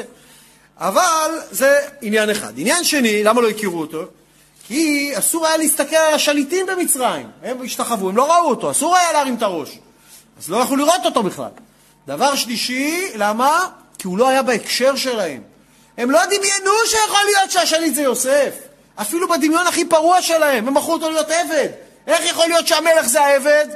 אז הם לא, הם לא קישרו, זה לא הסתדר להם, לא יכול להיות. זה כמו, אתה יודע, לפעמים אתה הולך, ואתה רואה בן אדם שאתה, הוא נראה לך מוכר ואתה לא מזהה אותו. למה אתה לא מזהה אותו? כי איפה שהכרת אותו זה היה בכלל בהקשר אחר. אתה הכרת אותו במילואים, ועכשיו אתה רואה אותו פתאום, אני יודע, בא, בא, באוניברסיטה. אז אתה לא, אתה לא מקשר, אם תראה אותו במילואים, אתה תזהה אותו. הוא לא בהקשר שלך, אתה לא מזהה, אז הוא לא היה בהקשר שלהם. ויזכור יוסף את החלומות, בואו נראה. ויכר יוסף את אחיו ויזכור יוסף את החלומות אשר חלם להם, ויאמר להם מרגלים אתם, לראות את ערוות הארץ באתם. למה חשוב שהוא צריך לזכור את החלומות? מה החלומות רלוונטיים? אז קודם כל דבר אחד, שכמה אלומות השתחוו לאלומה שלו בחלום? 11. כמה כוכבים השתחוו לו? 11. ופה יש רק עשרה. זה שעשרה משתחווים לו זה יפה, אבל זה לא עוזר, כי זה לא פתרון החלום. זאת אומרת, הוא זוכר את החלום, הוא אומר, עד שלא יהיה פה עשרה, 11 שמשתחווים לי, עדיין אי אפשר לתקן אותם, כי הנבואה לא מתקיימת. דבר אחר, גם לא איפה אבא שלו ואימו, בילה, שגידלתה וכאם, גם הם לא פה. ויאמר אליהם מרגלים אתם, אומר להם, אתם מרגלים. איך אני יודע? כי אתם התפזרתם, נכנסתם מעשרה שערים. מי נכנס ככה? אם הייתם אנשים כנים, הייתם באים משער אחד, מה אכפת לכם? מה פתאום התפזרתם? בכלל מרגלים זה ראשי תיבות. מאמי רחל גנבתם, לידי ישמעאלי מכרתם. כבר רומז להם שהם מרגלים. עכשיו, למה הוא אומר להם מרגלים? אומר להם כדי שהם יפחדו להסתובב ולחפש. למה? הסתובב, אולי יגידו להם שיוסף היה פעם עבד, וככה אז לא, שהם עכשיו יפחדו. עכשיו, אומרים לו, לא, ויאמרו אליו, לא אדוני, אבל עבדיך באו לשבור אוכל, מה פתאום מרגלים? איך, איך הגעת לזה? כולנו בני איש אחד אנחנו, כנים אנחנו, לא היו עבדיך מרגלים. מה פתאום? למה אומרים לו שהם בני איש אחד? אומרים, איזה אבא ישלח עשרה בנים לרגל? הלוא ידוע שמרגל זה מוות מיידי בלי משפט. איך יכול להיות שאבא יסכן עשרה בנים? אם כבר כמו ביריחו, שולחים שניים. אז אומרים, זה לא יכול להיות שאנחנו מרגלים. והם ממשיכים, ויאמרו שניהם עשר עבדיך, אחים אנחנו, בני איש אחד בארץ כנען, והנה הקטון לתבינו היום, והאחד עננו. זאת אומרת, הם מסבירים לו, למה התפצלנו ל-12 שערים? מסיבה אחת נורא פשוטה, באנו לחפש את אח שלנו שנאבד. רש"י מסביר, ואילו, שהוא שואל אותם, ואילו מצאתם אותו, את האח הזה שאיבדתם, ופסקו עליו ממון הרבה, לא אמרתם שהוא פה עבד, והיו אומרים, רוצים הרבה כסף עליו. האם תשלמו, תפדו? אמרו הן. אמר להם, ואם יאמרו לכם שלא יחזרו בשום ממון, מה תעשו? אמרנו לכך באנו, להרוג או להיהרג? אנחנו נילחם עליו. אמר להם, הוא אשר דיברתי, להרוג בני העיר באתם, אתם מרגלים, הנה באתם להרוג פה. מנחש אני בגביע שלי, היה לו גביע, אומר, ואני גם מנחש פה בגביע הזה, ששניים מכם החריבו כרך גדול של שכם. אני רואה פה שיש שניים מכם שגם שחטו את כל שכם. אז בטח שאתם מסוכנים. האלה היו בשוק. מאיפה הוא עם הגביע הזה? הוא... מה הוא רואה בגביע? מאיפה הוא יודע את הדבר הזה? בכלל, למה כתוב בני איש אחד נחנו? למה לא אנחנו? למה זה אנחנו? למה? כי עוד מעט מה הם אומרים? אחד איננו. אז האלף איננו. למה? אחד איננו, אז אנחנו. אחד איננו, יוסף איננו. טוב, מה יוסף רוצה? יוסף רוצה לעורר בהם חרטה. יוסף רוצה להביא אותם לזה שהם ירגישו מה זה להיות בכלא, מה זה, למה שנקרא, עוד פעם אולי מצב שהם הולכים לצייר את אבא ולראות אם הם יתחרטו. אז מה עכשיו אה, יוסף עושה? הוא לוקח אותם, ויאמר עליהם יוסף, הוא אשר דיברתי עליכם, אומר, אתם יודעים מה, יש לי רעיון. בזאת תיבחנו. חי פרעה אם תצאו מזה, כי אם בבוא אחיכם הקטון הנה. זאת אומרת, אומר להם ככה, אתם אומרים שאתם לא מרגלים? בזאת תיבחנו. תראה מה מדהים, מה זה תיבחנו? ניסיון. אומר להם זה ניסיון.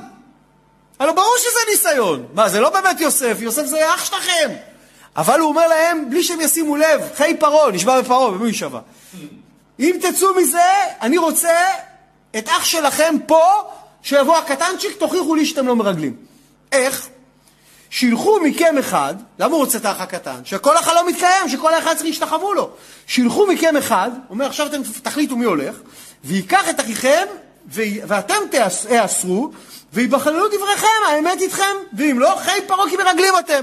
אומר, אתם מספרים לי סיפורים פה, סיפורי סבתא, יש עוד אח? לכו תביאו אותו, בואו נראה. עכשיו, מה מונח בזה? איך, יכול להיות שיביאו סתם איזה עבד. אז הוא אמר, לא, אתם לא יכולים לעבוד עליי. למה? כי אני יכול לעשות פה, לקחת, לעשות מסדר זיהוי, מי שאתם תביאו, מי שהאחד הזה יביא, ישים אותו עם עוד עשרה, עכשיו אני אבקש מכל אחד מכם בנפרד לזהות מי זה אחיכם, אז אתם לא יכולים לעבוד עליי. אני ברגע אדע אם הבאתם את האח או לא הבאתם את האח. טוב, ויאסוף אותם אל משמר שלושת ימים. עכשיו הוא יוצא, את כולם שם בכלא. למה שלושה ימים? אומרים לנו זה תיקון על זה ששמעון ולוי ביום השלישי שחטו את כל אנשי שכם שעשו ברית מילה. אז שמו אותם שלושה ימים. אבל יוסף, היה לו קשה עם הדבר הזה, ואז הוא החליט לשנות קצת. אבל בינתיים הוא מתעלל בהם קצת. למה הוא מתעלל בהם? אמרנו, הוא רוצה לגרום להם לתקן את חטא המכירה שלו מידה כנגד מידה. זאת אומרת, מה הרעיון פה? ובואו נבין. יוסף, מה התיקון של אדם? איך אדם מתקן בעולם הזה? הקדוש ברוך הוא מזמן לאדם ניסיון, ואדם לא, לא עמד בניסיון, נכשל בעבירה. כדי שאדם יוכל לתקן את העבירה, הוא חייב להגיע לאותם תנאים. לאותם תנאים, רק מה? יותר קשה קצת. שאם עכשיו הוא יעמוד בניסיון, מה? אז עכשיו בוודאי שהוא תיקן גם את הניסיון הקודם. זאת אומרת, אומר לנו הרמב"ם איך בן אדם מתקן, הוא מה שנקרא, נגיד נכשל עם בחורה אחת, ואחר כך אה, הוא צריך להגיע לאותו מקום, אותו עיר, עוד פעם להיפגש עם אותה בחורה, וכוחו עדיין במותניו, עדיין הוא יכול, מה שנקרא, לעבור איתה את אותה עבירה, והוא עדיין חושק בה, ואף על פי כן, והיא עדיין יפה כמו שזה, ואף על פי כן, התגבר עליה ולא קלקל. ומתייחד איתה והכל ולא קלקל. אז מה יקרה? תיקנת גם את פעם שעברה שעברת איתה את העבירה. זאת אומרת, חייב להגיע לאותם תנאים. אם לא יגיע הבן אדם לאותם תנאים, לא יכול לתקן. זאת אומרת, יוסף חייב להביא את האחים שלו שוב לאותם תנאים, שמה? שיש להם אח אחד קטן, שמסבך אותם, שמעצבן אותם, שהם יכולים לוותר עליו, להפוך אותו לעבד, והם עכשיו יצטרכו להקריב את עצמם. דבר גדול. איך יוסף יודע את זה? כי יוסף חווה על בשרו את התיקון. איך? הלוא על מה יוסף חטף שנתיים בכלא? על זה ששמח על בן אדם ולא על הקדוש ברוך הוא. אתה עמדת מול שר, מול שר המשקים, ובמקום להגיד, מי אתה? הקדוש ברוך הוא יוציא אותי מפה, אמרת לא זכרתני והזכרתני, אתה, עליך אני סומך. איפה הקדוש ברוך הוא? בגלל זה קיבלת עוד שנתיים. מה עכשיו היה התיקון של יוסף? לא לעמוד מול שר, לעמוד עכשיו מול המלך, מול פרעה. ועכשיו בוא נראה אם אתה תסמוך על פרעה, או תסמוך על הקדוש ברוך הוא. יוסף עומד מול פרעה, כל משפט שני שלו, אלוקים אומר לו. מה אומר לו? את אשר האלוקים עושה, יגיד לפרעה. אשר אלוקים עושה, הראה את פרעה. כי נכון הדבר מאלוקי האלוקים, וממהר האלוקים לעשותו. יענו עומד מול פרעה, אומר לו, מי אתה פרעה? הקדוש ברוך הוא, הוא מציל אותנו מידם. מה אתה? מי אתה? עכשיו אתה עשית כזה קידוש השם. קודם שספרת את השר, חטפת, עכשיו אתה לא סופר את, ה, את הבוס של השר, את פרעה, עכשיו אפשר להוציא אותך, זה תיקון, עכשיו אתה תהיה מלך. רק שתבינו מה המשמעות. זה בערך כאילו עכשיו, אחד, יש לו חברה, רוצה לעשות אקזיט, בא מול המשקיעים שכולם רועדים רק להגיע לדבר איתם, וכל מה שהוא אומר, הקדוש ברוך הוא יחליט אם תיתנו לי את הכסף. מי אתם? אתם כלום. הקדוש ברוך הוא מחליט, אתם רק הצינור שלו. הקדוש ברוך הוא ירצה, תיתן לי כסף, לא תרצה, פח, מי אתה והכסף שלך? איזה סטארט-אפיסט. זה קידוש השם. שאתה מבין שאתה לא סומך על אף אחד, רק על הקדוש ברוך הוא. אשליך השם יהפך והוא יחלקל לך, לא בן אדם. אם ככה יוסף רוצה ליצור גם לאחים שלו את התנאים, שמה? שגם הם יוכלו לעשות תשובה גמורה, שגם הם יוכלו להגיע לאותם תנאים בדיוק כערב העבירה שזרקו את יוסף בבור ומכרו אותו למצרים. ובדבר הזה יוסף מתנכר אליהם. למה? כי האחים הם שלב אחרי שלב פספסו את התיקון. כתוב בהתחלה, ויפה יוסף דיבתם רעה אל אביהם. בסדר, לכלך עליכם קצת. וישנאו אותו ולא יכלו לדברו לשלם. אוקיי, בשלב הזה, מה הם עשו רע? שנאו אותו. כתוב בתורה, לא תשנא את אחיך בלבביך. אז היו צריכים לתקן את זה, שיתחילו לדבר איתו. מה עשה הקדוש ברוך הוא? מעלה להם את הרף. עכשיו יוסף חולם חלומות. עכשיו, היו צריכים בחלומות, יגיד, טוב, יאללה יוסף, נו, אתה, זה, לחבק אותו, זה. לא, ויוסיפו עוד שנא אותו. הוסיפו חטא על פשע, יותר שנאו אותו. עכשיו כבר צריכים לעשות להם תיקון. עכשיו, למה הם לא פגעו בו? שהם היו בבית אבא, למה הם לא עשו לו כלום? הם פחדו מאבא, נכון? אה, ליד אבא אתם רק שונאים אותו בלב. אוקיי, אין בעיה. בואו נזמן לכם תנאים מושלמים.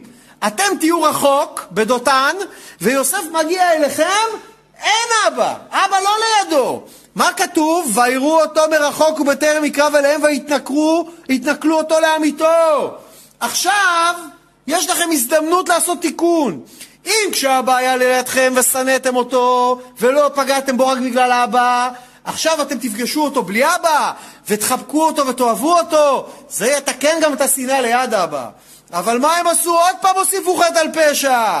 ניצלו את המצב שיעקב האבא לא נמצא ועשו, רצו להרוג אותו בהתחלה, בסוף הסתפקו בזה שמכרו אותו למצרים. עכשיו, חביבי, יש פה כבר מגה תיקון לאחים. כבר לא מספיק כל התיקונים הקטנים שזימנו להם. עכשיו הם צריכים להגיע לאותה סיטואציה. עוד פעם שיהיה אח קטן, עוד פעם שיסבך אותם בצרות, עוד פעם שיהיה להם הזדמנות להיפטר ממנו, ועכשיו נראה אם אתם עוד פעם תמכרו את אחיכם למצרים, או האם אתם תקריבו את עצמכם ותתקנו גם את מכירת יוסף. אז יוסף מה?